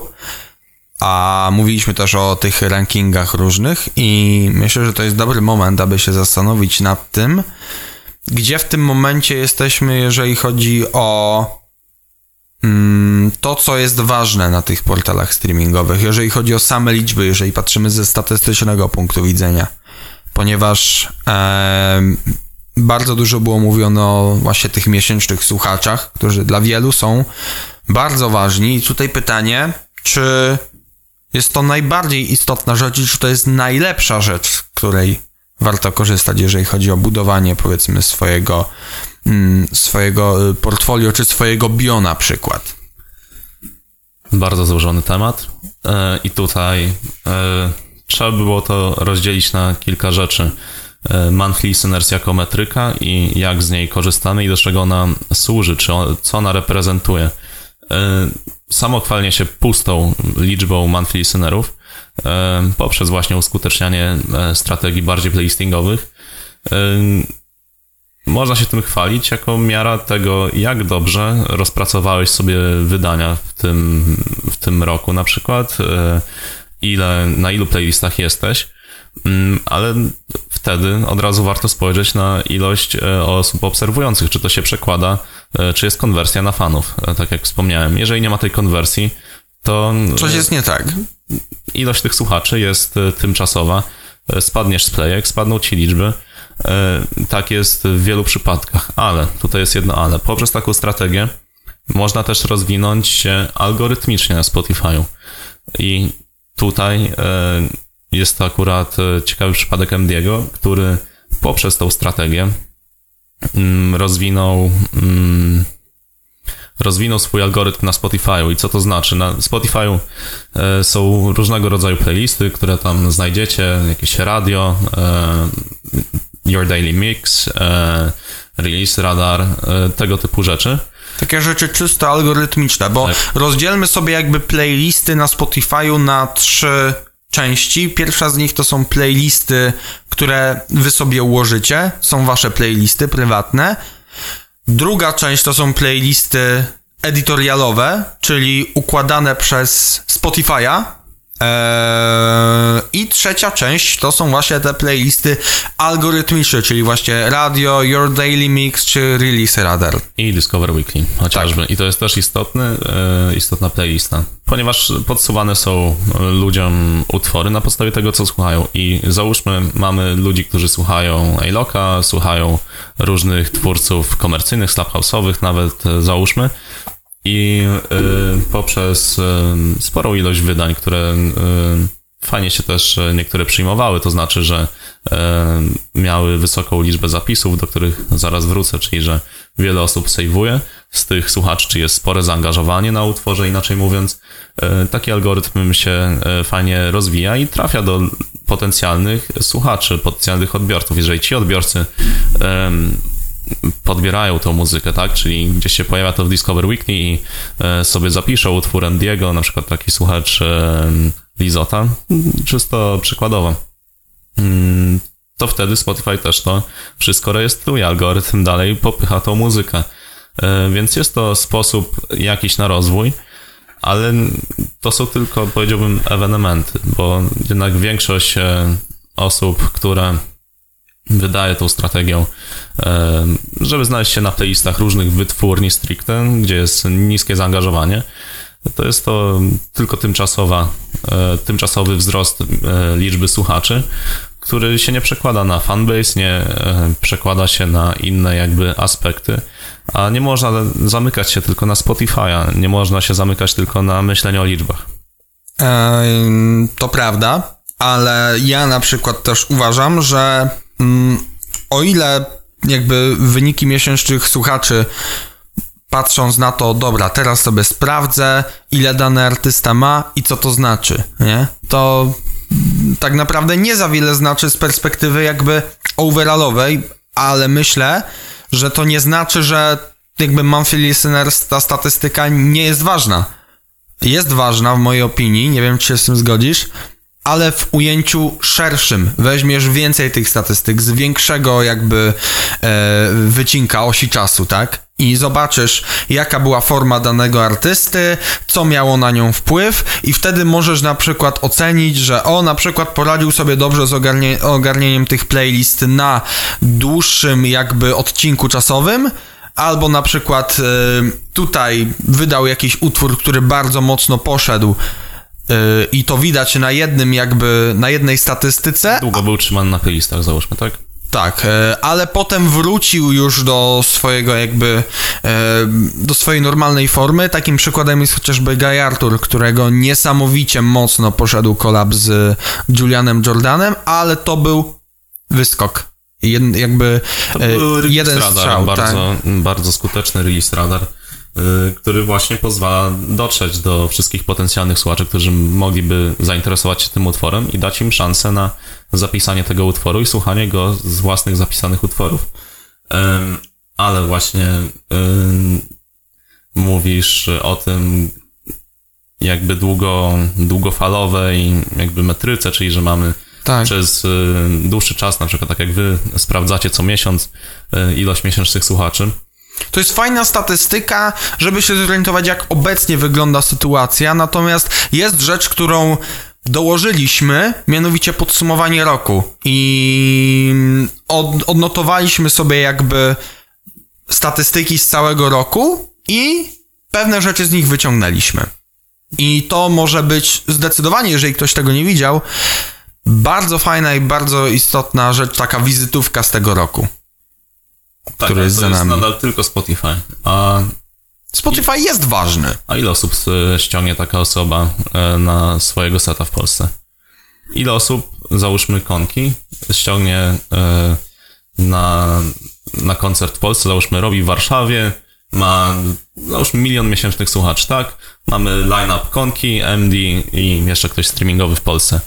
E, Ile osób tam przyjdzie samych z siebie bez e, promowania? Ile osób jest świadomych?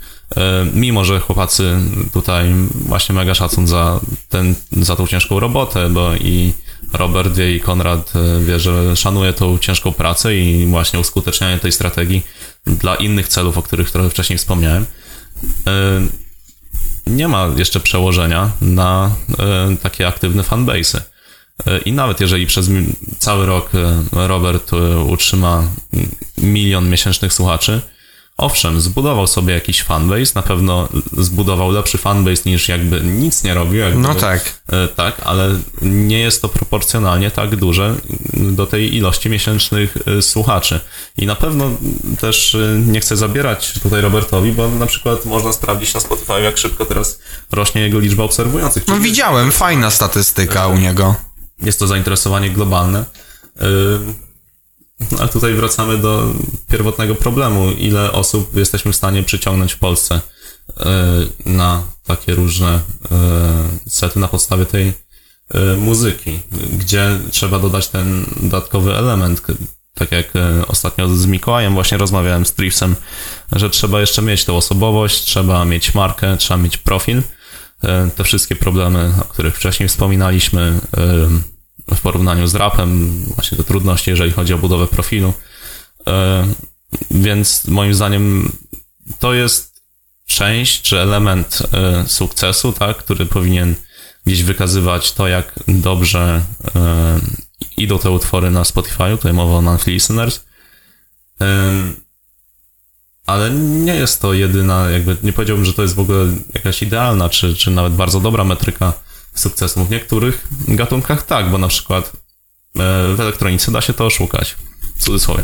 No tak. Trafisz na playlisty, jest e, e, wiele osób, które słucha na Car Music, Gym Music, na tych playlistach i nagle ci te, te trady się ua- uaktywniają, jest ten model labelów streamingowych, wszystko pięknie, skakuje ci to na milion miesięcznych słuchaczy, a potem spójrz na artystę popowego w Polsce, który ma milion miesięcznych słuchaczy. To, to jest Porównaj- topowa postać. Typu, Porównaj nie wiem, jakieś podsiadło czy coś. W Stanach ma 2 miliony. Tak, ponieważ y, muzyką elektroniczną można dotrzeć do całego świata. W zasadzie jest to muzyka bez y, słów, tak po polsku. Mm, tak. Więc y, nie dziwmy się, że skala jakby jest zupełnie inna. My powinniśmy w takim razie porównywać tych miesięcznych słuchaczy do, do topowych nazwisk EDM-owych. Załóżmy, okej, niech teraz y, Robert y, spróbuje nabić sobie 20 milionów. Jest to nierealne, jeżeli nie odniesie rzeczywistego sukcesu. Więc patrzmy na to y, proporcjonalnie. Fajnie jest spojrzeć, że ma się ten milion miesięcznych słuchaczy. Jest to cudowna liczba i na pewno dużo pomaga. Można też z niej skorzystać teraz przy budowaniu kolejnych kroków, co też po nowym roku teraz z Robertem będę czynił, ponieważ też e, na zasadach partnerskich z SNRS e, nawiążę współpracę z wieloma artystami, że będę też właśnie pomagał docierać do e, jakościowych również wytwórni, czy umieszczać te utwory, czy, czy budować strategie trochę bardziej takie mm, rozwijające te profile elektronicznie. Zobaczymy, jak to, jak to się uda. Dużo zależy od artystów. Ale właśnie, czy ten milion miesięcznych słuchaczy, albo inaczej, gdzie jest e, tak zwany sufit? Czy e, na, ty, na tej strategii, gdzie nawet jakby Robert idealnie wydawał co tydzień te utwory, tak żeby te playlisty się nie pokrywały, żeby po prostu ta liczba była jak najwyższa, to gdzieś e, sufit jest przy dwóch milionach miesięcznych słuchaczy. Czy jeżeli teraz postawimy sobie challenge, Robert, zrób 5 milionów miesięcznych słuchaczy, to, to musicie wyjść gdzieś dalej już. się nie uda trzeba wyjść e, i zrobić naprawdę znane utwory, które nie będą tylko grane w pizzeriach czy w siłowniach i tak dalej. To będą utwory, które muszą być też grane. Mówimy o komercji, tak? Tak. Muszą odnieść komercyjny sukces te, te, też na innych platformach, e, w radiu, na YouTubie i tak dalej. No tak, czyli monthly listeners mamy sobie wyrzucić do kosza? W elektronice? Jest to. Ja dużo mówiłem o tych monthly listenersach e, rok temu. Nie wyrzucałbym do kosza. Są one zawsze efektem ciężkiej pracy e, i wykorzystaniem obecnej sytuacji na rynku. Obecna sytuacja na rynku jest taka, że e, są możliwości na osiągnięcie większych liczb, na dotarcie do szerokiego grona słuchaczy poprzez te labele typu właśnie e, Sławy Loudcult, Magic Records e, czy Hot Vibes e, Konkiego, tak? E, dociera się do rzeczywistych słuchaczy. Jeżeli muzyka będzie naprawdę dobra, dużo osób ją zapisze. I jest naprawdę wtedy szansa na e, rozwój na samej platformie Spotify, na, na jakieś virale Spotify'owe chociażby, mniejsze lub większe, gdzie algorytmy podchwycą tą muzykę, gdzie ten profil się tylko na Spotify rozbuduje, ale trzeba działać wielotorowo.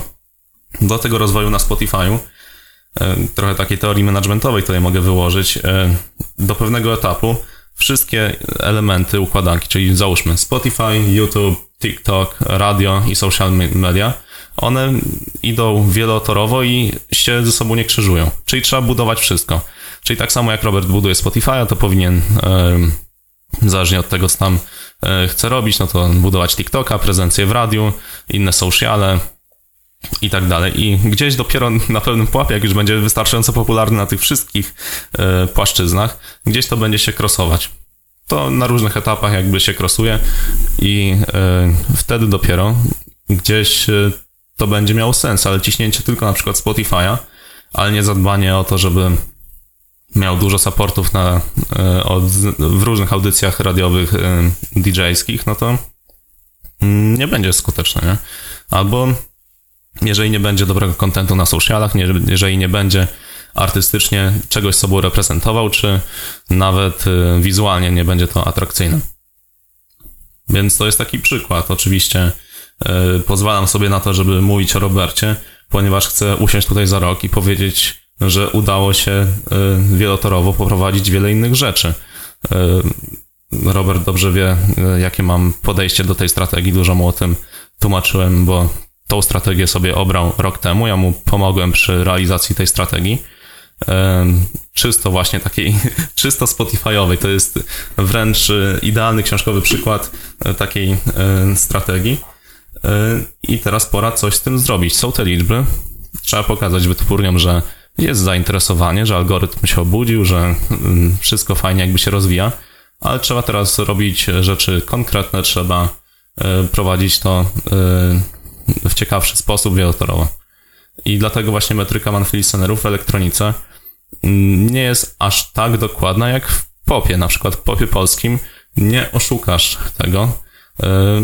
Bo mus... docierasz do, jakby do polskojęzycznej publiczności, tak? tak? To, to jest zupełnie mniejsza skala, tak? Przy milionie miesięcznych słuchaczy jesteś już naprawdę potężnym e, artystą. Przy, jak masz pół miliona, to znaczy, że też już jakiś e, tak. gdzieś poszedł ponieważ liczba e, słuchaczy w Polsce jest e, o wiele bardziej ograniczona niż e, globalnych odbiorców elektroniki na całym świecie, słuchający playlisty muzyka, nie wiem, na plaży, tak? No, umówmy się.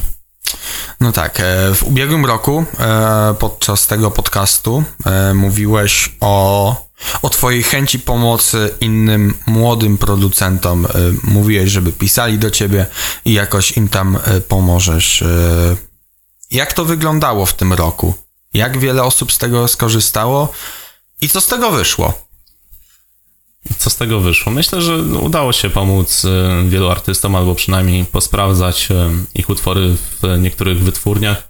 E, często miałem naprawdę mm, tak zwany niedoczas i ciężko było mi odpowiadać od razu, czy czasami potrzeba było trochę cierpliwości, żebym wrócił z jakąś wiadomością, czy żeby ktoś się do jakiejś wytwórni przebił. Często też też super, że się ludzie odzywają z niektórymi problemami, czy jak mają jakieś wątpliwości, bo, bo ja zawsze chętnie pomogę. A nie zapominajmy, że mówimy tutaj o biznesie. Są często wytwórnie, które mają bardzo nieciekawe kontrakty, więc e, tutaj też apel do artystów, nie podpisujcie losowych kontrakt, e, kontraktów. Ja sam prawnikiem nie jestem, ale już tych e, umów na licencję myślę, że już setki zobaczyłem i gdzieś się w tym wyspecjalizowałem. Zawsze też e, mam wsparcie prawnicze, jeżeli jest taka potrzeba. Już czasami zdarza się, ja tylko dodam, e, gdzieś tam bazując na tym, co udało ci się usłyszeć, czy to od ciebie, czy od innych osób, że jednak zdarzają się sytuacje, że te największe wytwórnie potrafią wpakować danego na przykład producenta, który myśli, że złapał Pana Boga za nogi, w niezbyt fajne warunki. I to może gdzieś tam rodzić później e, problemy. Wystarczy, że nie rozumiesz jednego słowa w kontrakcie i może być już ciężko. To jest naprawdę przestroga. E, brzmi to groźnie, ale jest groźnie. No niestety są te kontrakty. To jest biznes jakby. Tak, biznes. E, ostatnio na przykład e, utwór Toma, Toma, o którym dzisiaj w zasadzie nic nie powiedzieliśmy, ale też fajnie się rozwinął przez Śpi ostatni jeszcze. Rok. Śpi? Nie, nie, czekaj, nie, czekaj. Już ma wieczór. No, już ma wieczór, to tak. dopiero będzie spać. Tom, który gdzieś w kierunku tak osobowym fajnie się rozwijał w tym, w tym roku Ostatnio dostaliśmy e, umowę od e, wytwórni australijskiej, z którą po raz pierwszy mieliśmy współpracować. Mhm. To oni po prostu wysyłają taki szablon tej umowy. Mhm. Nawet nie liczą na to, że e, artyści to podpiszą, ponieważ jest tam wiele klauzuli, które po prostu nie idą w parze ze strategią artysty, czyli tutaj opcje różne, czy jakiś okres ekskluzywności. Są to takie rzeczy, które się rzucają w oczy i trzeba od razu z takiego kontraktu E, wyeliminować i wytwórnia nie ma najmniejszego problemu e, bardzo często z tym, żeby takie rzeczy wyeliminować, chyba że mają jakiś e, długoterminowy plan na profil takiego artysty. Czyli to jest takie potoczne łapanie frajerów. Myślę, że też czasami lenistwo wytwórnie, jakby mają szablon, to lepiej sobie zastrzec dwie opcje, niż ich sobie nie zastrzec. Jeżeli utwór rzeczywiście się uda, no to mają prawo do kolejnych dwóch, tak? Oni to tak sobie defaultowo, można powiedzieć, e, wrzucają do tych kontraktów. Jeżeli tego nie wyeliminujesz, no to przyznajesz wytwórni prawa, pod którymi się podpisujesz. E, nieważne, czy to rozumiesz, czy nie. Trzeba to e, gdzieś zawsze zweryfikować, więc gdzieś mm, kilku artystom się udało pomóc też pod tym, pod tym względem. Ale planuję też od właśnie od teraz, od nowego roku, na stronie, którą znajdziecie w opisie, prawda, panie Patryku? Na stronie e, internetowej. Sprawdź maila. Z fakturką. E, gdzieś będę chciał troszeczkę to usystematyzować, troszeczkę zautomatyzować sposób pomocy, czyli mm, gdzieś na stronie albo umieścić też formularz, żeby niekoniecznie przebijać się do mnie na Messengerze, ponieważ wiele osób jakby w tym naszym polskim kręgu EDM-owym się ze mną kontaktuje na Messengerze i to nie jest tak, że ja nie odpisuję, czy tak jak też, też kiedyś myślałem, że jak ktoś nie odpisuje, czy nie wyświetla na Messengerze, to robi to celowo. Niestety w takim natłoku wiadomości mm gdzie potrafię mieć naprawdę kilkadziesiąt wiadomości dziennie. No, gdzieś te wiadomości, ja nawet jeżeli otworzę, gdzieś one giną. Kiedyś jeszcze Messenger miał fajny filtr na e, nieprzeczytane wiadomości, że można było filtrować po nieprzeczytanych i wtedy e, można było to łatwo pracować. E, ale do czego zmierzam? Gdzieś na mojej stronie będę chciał umieścić, e, pewnie już to zrobiłem, jeżeli jest dzisiaj 1 stycznia. To pewnie już jest. to pewnie już jest, czeka mnie teraz to trochę e, back to the future, jak to mówią, tak? Tak, zgadza się. No generalnie dwa tygodnie od momentu nagrywania. Mam czas na umieszczenie formularza oraz też e, submission jakby takiego mini portalu, gdzie artyści, którzy nie wiedzą co zrobić ze swoją muzyką, zamiast włożyć się do szuflady, mogą po prostu włożyć do mojej szuflady. I wtedy ja tą szufladę mogę otworzyć i powiedzieć, słuchaj, no masz 3-4 fajne utwory, mm, jaki masz pomysł na siebie, jaki masz profil i y, gdzieś można nawiązać jakąś taką y, krótkoterminową współpracę, gdzie ja bym takiego artystę y, wsparł w dotarciu do większych wytwórni. Można spróbować to, że ja powiem na przykład, dobra, moim zdaniem to może gdzieś się udać spinning, to jest tylko może. Ja nie jestem spinning, nie jestem Ejanarem, nie siedzę z nimi, wiem mniej więcej czego szukają, ale to nie znaczy, że mam skuteczność stuprocentową, ba, że mam jakąkolwiek skuteczność, e, ale gdzieś mogę pomóc w dotarciu do tych e, ludzi, jeżeli e, będzie ciekawy pomysł na profil, jeżeli będzie ciekawy materiał muzyczny, który będzie dobrze też techniczny. I tutaj e, zaraz Mieli, Tak, mieliśmy o tym mówić właśnie. Tak, tak, czek, tak czekałem, aż e, domkniesz ten temat autopromocji i przejdziemy do roastu. Autopromocja to jest e, wsparcie artystów, jakby myślę, że mam autopromocję swojej osoby. Swojej osoby. Myślę, że cały ten podcast jest e, sporą autopromocją, ale e, staram się przekazać e, jak najwięcej tych rzeczy, które się nauczyłem, ale ja się nadal uczę. Ja nigdy nie przestanę się uczyć. Myślę, że ten przyszły rok, teraz przez to, że wszedłem na już 100% zaangażowanie w muzykę, sporo mnie nauczy. Y, zobaczyłem, ile mnie nauczył ten poprzedni rok. Y, w ilu jakby też y, punktach się myliłem i gdzie pokornie musiałem skulić głowę i powiedzieć, dobra, popełniłem błędy, i muszę teraz e, je naprawić, nauczyć się i nie popełniać takich błędów e, w przyszłym roku. E, ale na pewno właśnie chciałbym nadal wspierać polskich artystów. Ważne, żeby właśnie polscy artyści też starali się jak najbardziej rozwinąć skrzydła sami, sami, tak jak zrobił to Owski, tutaj szybko wtrącę. Owski w tym roku bez managementu, o ile mi wiadomo, wydawał w wytwórniach takich jak Monster Cat, zrobił kolab z Mofalkiem.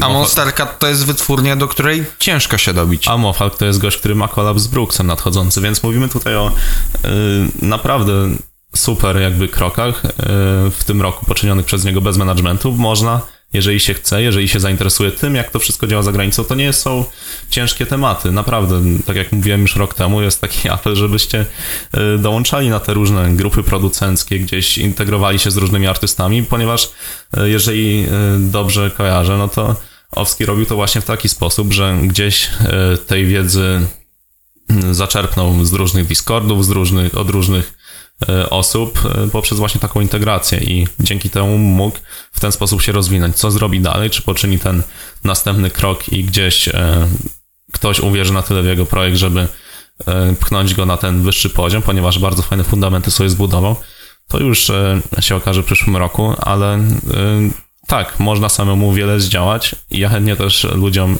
pomogę, czy też nakieruję, ale to wszystko bierze się z takiej pracy E, indywidualnej i nikt tego za artystę nie zrobi. Trzeba swoje przesiedzieć, swoje przemyśleć. Wiesz, e, Piotrkowi się bardzo chciało i on do tego, czy to sam, czy to z kimś innym, doszedł. Natomiast problem polega na tym, że jakby i myślę, że to też jest warte podjęcia, zanim weźmiemy się za roast, to... Roast? Ach, roast.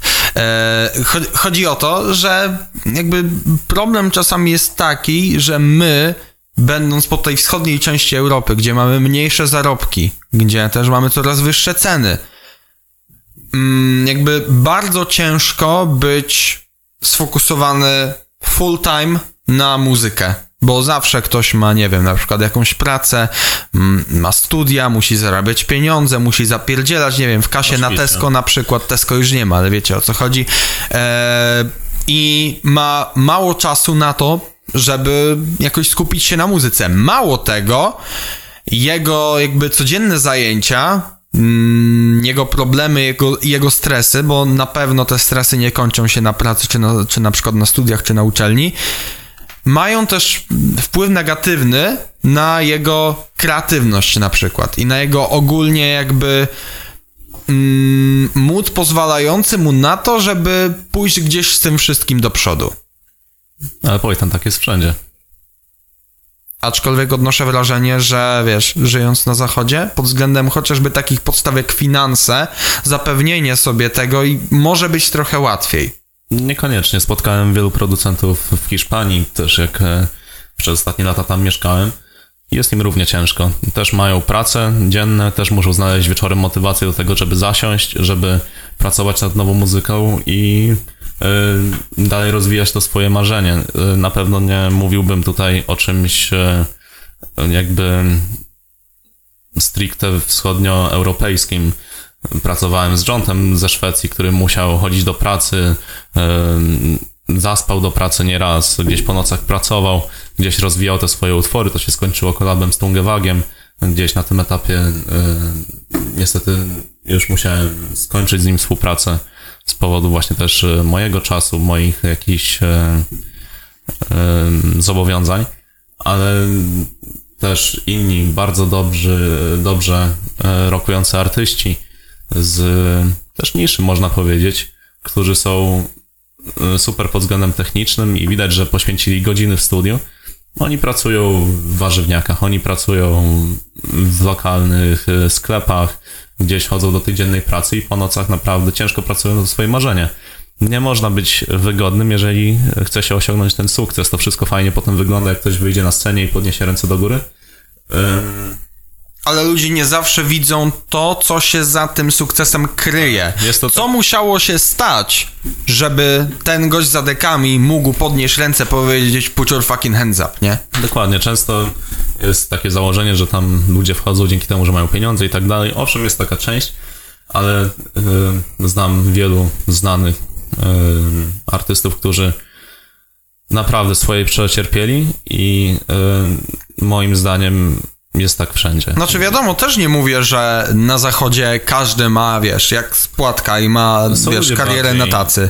Są ludzie bardziej uprzywilejowani, tak? E, Taki, takie mamy społeczeństwo, nie, nie mamy e, równego jakby podziału socjalnego i e, nie będę wchodził tutaj w tematy polityczne, ale po prostu najzwyczajniej mniej lub bardziej każdy rozwijający się producent na pewnym etapie musi mieć e, sporo wyrzeczeń, musi albo przeskoczyć na muzykę i też tam zasuwać, robiąc ghosty, robiąc inne rzeczy, żeby się z tego utrzymać i jednocześnie rozwijać swój ten profil artystyczny. To jest bardzo ciężkie zadanie i bardzo szanuję każdą osobę, która się e, w imię właśnie swoich e, marzeń e, muzycznych na tyle poświęca i ma na tyle odwagi, żeby przeskoczyć e, stuprocentowo na muzykę i harować, dosłownie harować po nocy, żeby się z tego utrzymać, ponieważ już nie, nie chodzi do dziennej pracy i tym podobne. Em, Ale do czego chciałem zmierzać trochę? Mówiłeś o roście, e, gdy poruszyłem tematy technicznych, e, techniczne utworów w Polsce. Tak, zgadza się, ponieważ e, ty, trochę tych utworów, tych demek od tych młodych, perspektywicznych, e, jak Paweł Brożek, artystów, e, odsłuchałeś w tym roku i pewne rzeczy zostały wydane, spora część zapewne nie, albo nie tam, gdzie dani właśnie artyści by chcieli i wobec tego zastanówmy się, co jest problemem. Myślę, że nie trudno się domyślić, że chodzi o kwestie, kwestie techniczne. Techniczne, jakościowe, tutaj powiedziałbym referencje, referencje, referencje. Ludziom wydaje się, że mm, przynajmniej wiele osób, z którymi miałem styczność, e, że zrobienie utworu komercyjnego, dobrego, jest e, bardzo łatwe. Niestety nie. Im, im czasami im prostsza melodia, czasami im bardziej komercyjne brzmienie, tym więcej za tym stoi e, pracy. To jest taki trochę paradoks, ale ktokolwiek podjął się naprawdę zrobienia prawdziwego hitu radiowego, ten wie, że to jest bardzo ciężkie. Tak się często mówi, że bardzo łatwo zrobić disco polo, że to jest prosta rzecz. A ja na przykład też uważam, że tak jak właśnie z tymi komercyjnymi utworami, zrobić dobre, wpadające w ucho disco polo, to też trzeba umieć. Tak, jeszcze disco polo akurat pod względem technicznym nie ma wysokich wymagań, ale Ale też są technicznie dobrze zrobione utwory w tym no, na, na najwyższym poziomie nie ma moim zdaniem słabych technicznie utworów. E, Jeżeli coś osiąga naprawdę e, szeroki sukces, no to jest to techniczne, technicznie naprawdę dobre, ale em, zazwyczaj oczywiście są przypadki inne. Ale do czego zmierzam? Dostaję dużo demek, też e, słyszę różne demka. Mm, Już nie tylko komercyjne, mówimy też e, EDM-owe, które technicznie niestety są daleko od takich przeciętnych dem, które można usłyszeć w Holandii, gdzie oczywiście jest większy rozwój, nawet są szkoły stricte producenckie skupione na EDM-ie, tak? Tutaj mówię o Herman Broad Academy, gdzie nie wiem w sumie dokładnie, jakie tam nazwiska e, się przewijały przez lata, na pewno e, spore, nie wiem, czy dobrze kojarzę, nawet Martin tam... e, Chyba, chyba Martin Garrix Garrix też tam zaczynał. I tam powstaje masa utalentowanych koproducentów. E, Tak jak wspominałem rok temu o Maxie Adrianie, teraz można zobaczyć, że został on koproducentem Tungewaga. Podpisał się teraz e, z managementem Dona Diablo i Juliana Jordana. Są to ludzie, którzy spełniają te techniczne kryteria e, i też kreatywne kryteria i potem, jeżeli dobrze się prowadzą, właśnie potrafią dojść przez rok. Pamiętasz, e, gdzie rok temu był e, Max Adrian, nie? Tak. Gdzie mówiłem, fajne ma brzmienia, fajne jakieś tam koprodukcje e, robi. No ale ciągle w tym Revealed wydaje, tak, nie? i wydaje tylko w Revealdzie. Powiedziałem, poczekaj, daj chłopakowi się rozwinąć i tutaj e, szykuje się coś fajniejszego. Gdzieś na pewno, jeżeli menadżer Dona Diablo się podpisuje pod, pod nim, To to nie jest badziewiactwo, nie? To coś, coś się będzie działo, jeżeli robi koprodukcję dla Tungewaga i też e, dla innych artystów, o których też e, nie można wspomnieć, ponieważ są to często e, rzeczy, których sam nie może ujawnić, z kim współpracuje, czy dla kogo trochę utwór zrobił, czy w dużej mierze wyprodukował. Mm, To jest to osoba, która technicznie naprawdę się rozwinęła i osiągnęła pewien pułap i tam nie ma przypadków, a w Polsce nie ma aż tak wysokiego poziomu technicznego i dlatego ciężko czasami przebić się za granicą, gdzie e, technicznie czy kreatywnie, czy brzmieniowo te utwory są bardzo świeże.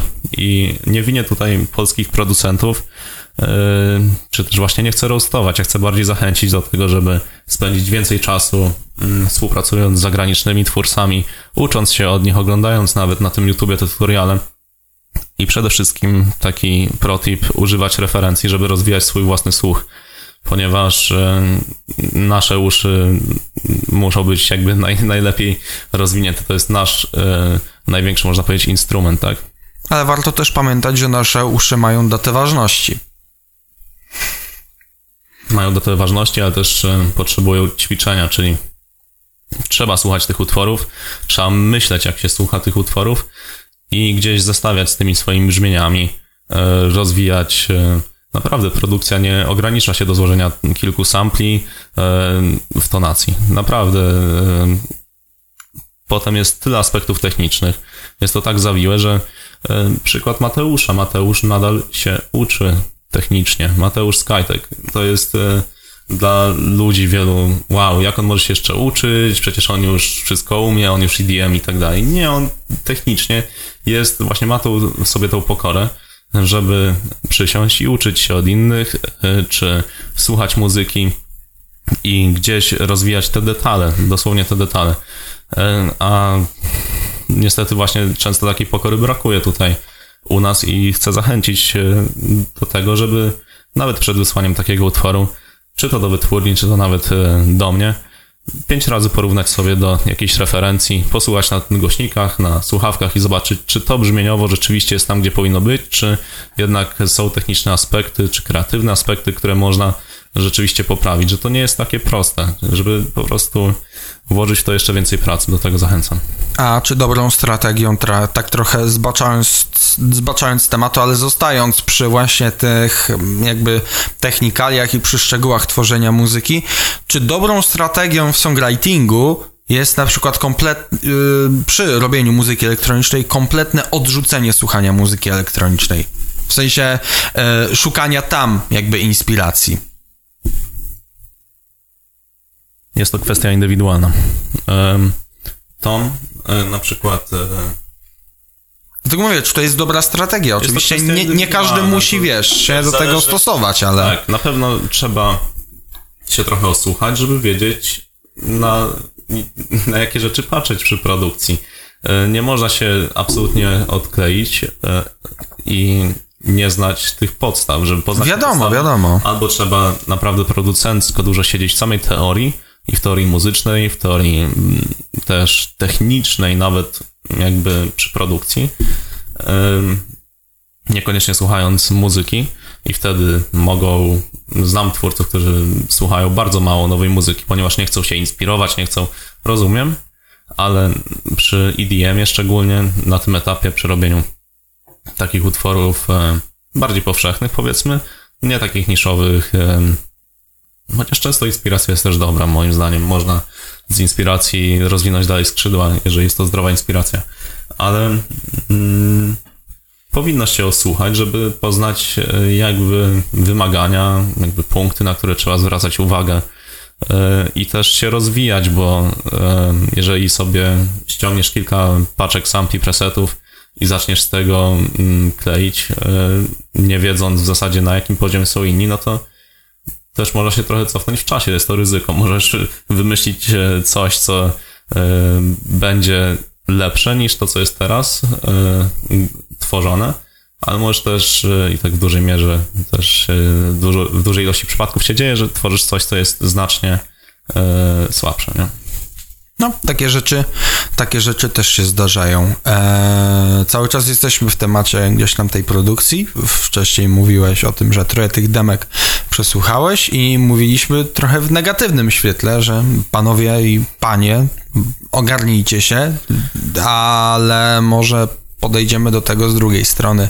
W sensie zastanawiam się, kto rzucił ci się w oczy tak in plus w ostatnim czasie, bo tam ciężko, przy tej negatywnej części ciężko mówić o konkretnych ksywach, eee, bo artyści potrafią mieć mm, bardzo mocne ego, natomiast O amatorach, czyli właśnie, żeby odsunąć to ego do pewnego etapu i przełożyć tą całą energię swoją na rozwój swojej produkcji. I na tym mi zależy. Ja nie chcę ani nikogo, nikogo piętnować, ani nikogo zniechęcać. Ja chcę właśnie zachęcać i, i mam nadzieję, że y, artyści się zmotywują właśnie do robienia czegoś na miarę też y, bardziej międzynarodową. I Idzie to w dobrym kierunku. Mamy artystów zdolnych. Słyszałem trochę demek, które naprawdę y, dałyby radę międzynarodowo. Y, nie- Przykłady, kto ci się nie wiem, rzucił w oczy in plus? Nawet potwierdzone przykłady, dlaczego Owski był w takich wytwórniach, dlaczego nawiązał takie współprace, ponieważ te utwory były kreatywnie ciekawe w danym rynku. Nie każdemu muszą się podobać, ale też technicznie spe- spełniały jakby takie minima, które są istotne. To jest najprostszy przykład.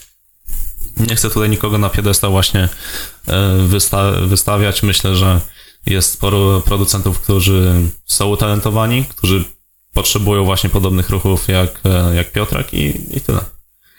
Dobrze, tak więc mówiliśmy o innych artystach, to teraz przejdźmy znowu jakby do was, do Sirius Plow, ponieważ tego aspektu nie podejmowaliśmy, a w ostatnim roku działo się wiele. Wiele powiedziałbym, że sporo. Myślę, że dużo się nauczyłem przy prowadzeniu tego e, projektu też wraz z Pawłem, jeżeli chodzi o współpracę po pierwsze z e, właśnie producentem, że, że razem tworzymy te utwory. Oczywiście Paweł odpowiada za e, rzeczy bardziej techniczne. Ja nie mam czasu, żeby usiąść w studiu i ogarniać te rzeczy techniczne. Też dużo jakby takich technicznych aspektów Paweł poprawił. Siadamy razem i realizujemy wspólne pomysły. I właśnie jak było z realizacją tych pomysłów w, w tym roku. Ym, Ty siedziałeś w Hiszpanii, a Paweł, Paweł siedział w Poznaniu, tak? w Poznaniu i aktualnie też jest w Wielkiej Brytanii, E, więc często się gdzieś tam e, próbuj, próbujemy gdzieś spotkać, czy Paweł przyleciał do Hiszpanii, czy ja do Polski, czy jak on jeszcze był w Polsce, no to do Poznania przyjechałem i tym podobne. E, Więc ten proces twórczy gdzieś tak sobie fajnie usprawniliśmy, ale bardziej chciałbym tutaj powiedzieć o tym, jak strategicznie jakby zmieniło mi się spojrzenie przez ten cały rok. Jest dużo pracy zakulisowej, żeby osiągnąć komercyjny sukces, tak? E, Mówimy tutaj o pozyskaniu naprawdę dobrych artystów do współpracy pod względem pisania piosenek czy wokali i tak dalej. ponieważ nie zapominajmy, że majory mają swoich też publisherów i mają wielu utalentowanych właśnie toplinerów czy writerów, którzy usprawniają ten proces i też wielu producentów, którzy na jeden utwór hit się składają. My o nich nie słyszymy e, na co dzień, ale oni często bardzo mają duży wpływ na to, że na przykład utwór danego artysty brzmi tak, jak brzmi. I tutaj też dobre, e, tak w ramach małej dygresji, dobrze wydaje mi się wspomnieć o pewnej rzeczy, ponieważ utyski. Ojej, to będę musiał coś zjeść. E, utyskuje się na nie wiem, na Davida Getę, na Tiesto, głównie na Davida Getę, że on nie robi sam muzyki, bo on tam ma Mortena i tym podobne, e, czy na przykład z Mike'a Hawkinsa, czy Tobiego Greena, czy innych producentów i że wola Boga, on nie robi swojej muzyki. I myślę, że to jest fajny przykład, który można e, podrzucić, jak na przykład działa taki projekt, ponieważ jakby, nie wiem czy o tym mówiliśmy, ale fajnym określeniem dla Davida Getty jest taki trochę executive director? E, executive e, producer, można powiedzieć. Execu executive producer, to też pasuje. Gdzie on potrafi usiąść i mm, żeby ten... On na pewno ma pojęcie o tak, produkcji. Tak, tak, i to jest właśnie też fajne, że na przykład e, David Guetta ma pojęcie o produkcji, tak, że nie jest stricte tylko twarzą projektu, ale też gdzieś się udziela w tej produkcji na pewno na pewnych etapach jest to przez niego zatwierdzane, są rzucane pomysły i tak dalej, w to nie wątpię. Wracając do Sius Pro, właśnie ogrom tej e, pracy komercyjnej. Nie powiedziałbym, że nas przerósł, e, tylko po prostu jest naprawdę sporo pracy w kredyt właśnie wchodząc w ten nowy rok, e, żeby utwory, jakie chcemy, czy jakość utworów, jaką chcemy osiągnąć jako nasz następny etap, po zamknięciu poprzedniego etapu, żeby tą jakość osiągnąć.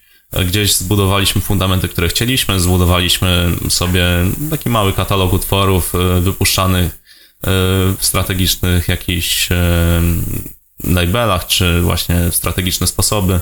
Na pewno fajnym wydaniem w tym roku był Toxic, który był powiązany z całą akcją też charytatywną i który przerósł w sumie nasze oczekiwania. 3 miliony? Myślę, że jak 1 stycznia teraz będziemy o tym mówić, to będziemy się zbliżać do tych 3 milionów na, na samym Spotify'u. Jest to tylko Spotify, wiadomo, udała się właśnie też strategia playlistingowa, ale akurat dla mnie jest to sukces trochę, że udało się e, przepchać na te wszystkie playlisty utwór, który nie jest stricte slapowy, który e, nie brzmi aż tak e, komercyjnie, jest to trochę inny utwór, a bardzo fajnie się przyjął, bardzo też bardzo fajnie wspiera nas e, Spotify Poland, za, za co jestem mega e, wdzięczny. E, jakby te utwory na tych playlistach editorialowych też bardzo e, fajnie działają i, i Toxic można powiedzieć, że był takim małym sukcesem, ale no nie spoczywamy na laurach, mimo że mm, teraz e, ukazuje się trochę mniej naszej muzyki, bo w sumie Toxic e, pojawił się we wrześniu.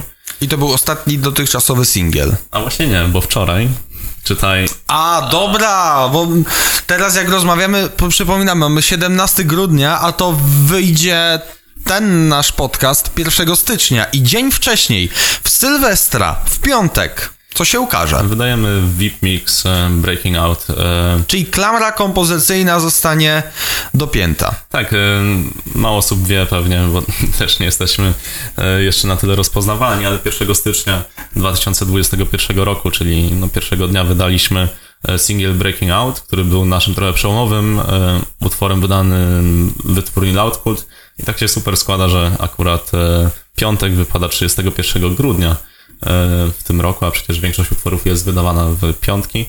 E, no i zamykamy ten rok VIP mixem utworu, który rozpoczęliśmy ten rok. E, w ramach trochę właśnie takiego podziękowania za ten rok. Jest to VIP mix w takich klimatach bardziej klubowych, więc jednak coś tam staramy się wypuszczać.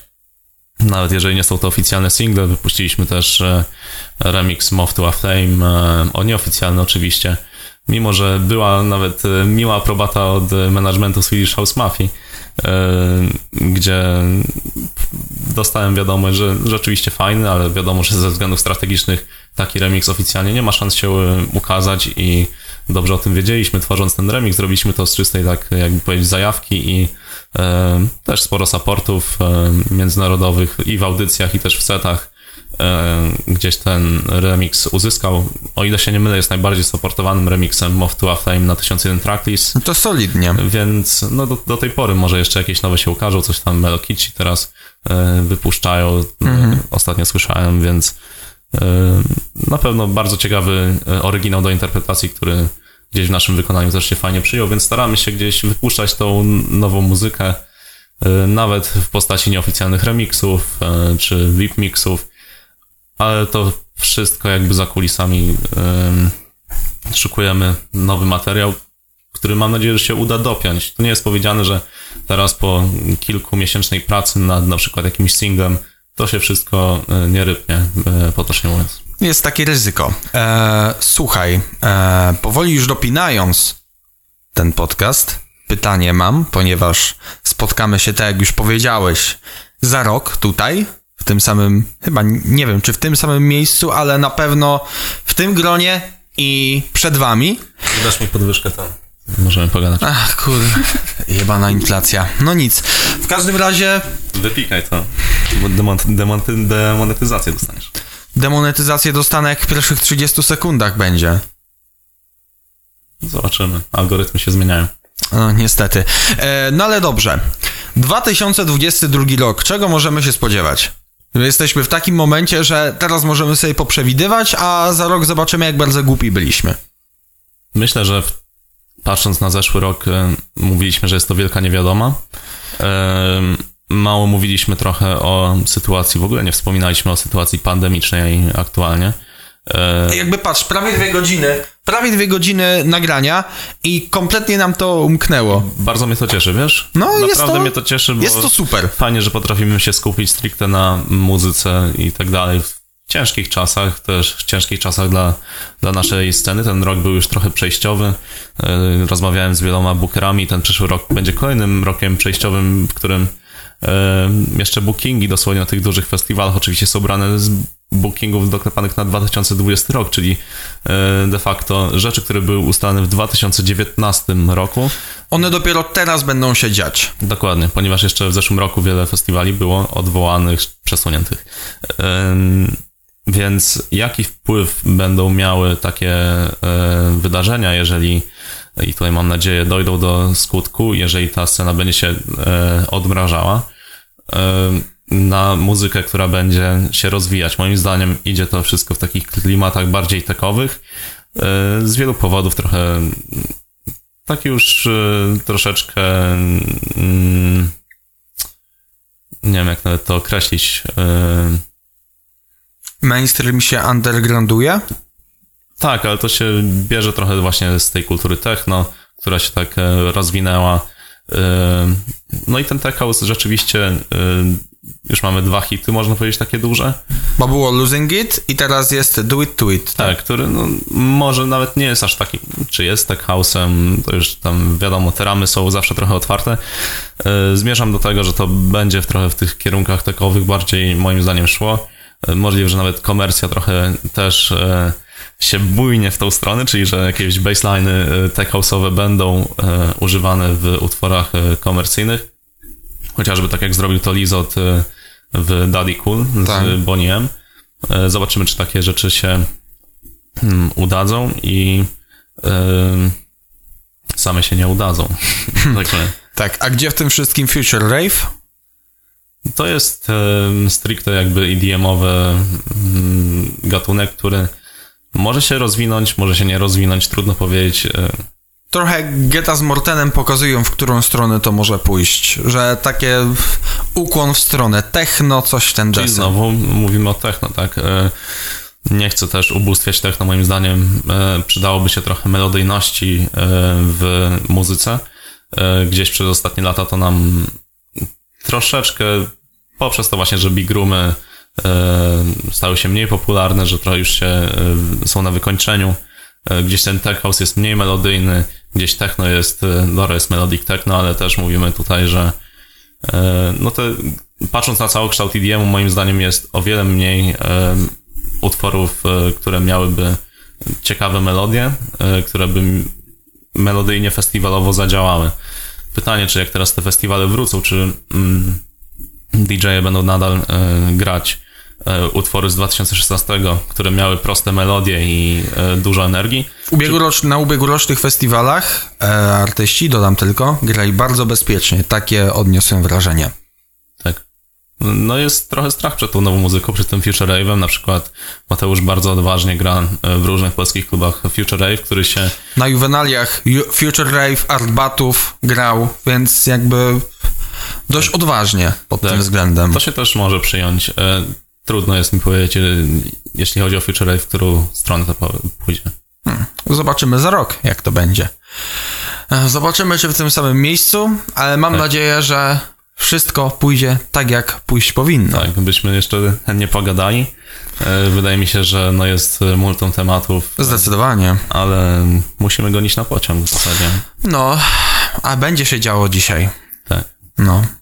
I mam nadzieję, że ta Hall of Fame, ta ściana piękna tutaj, nie wiem czy ją widać, się poszerzy. A to będzie wtedy wniosek, jak się poszerzy, że działo się w 2022 roku.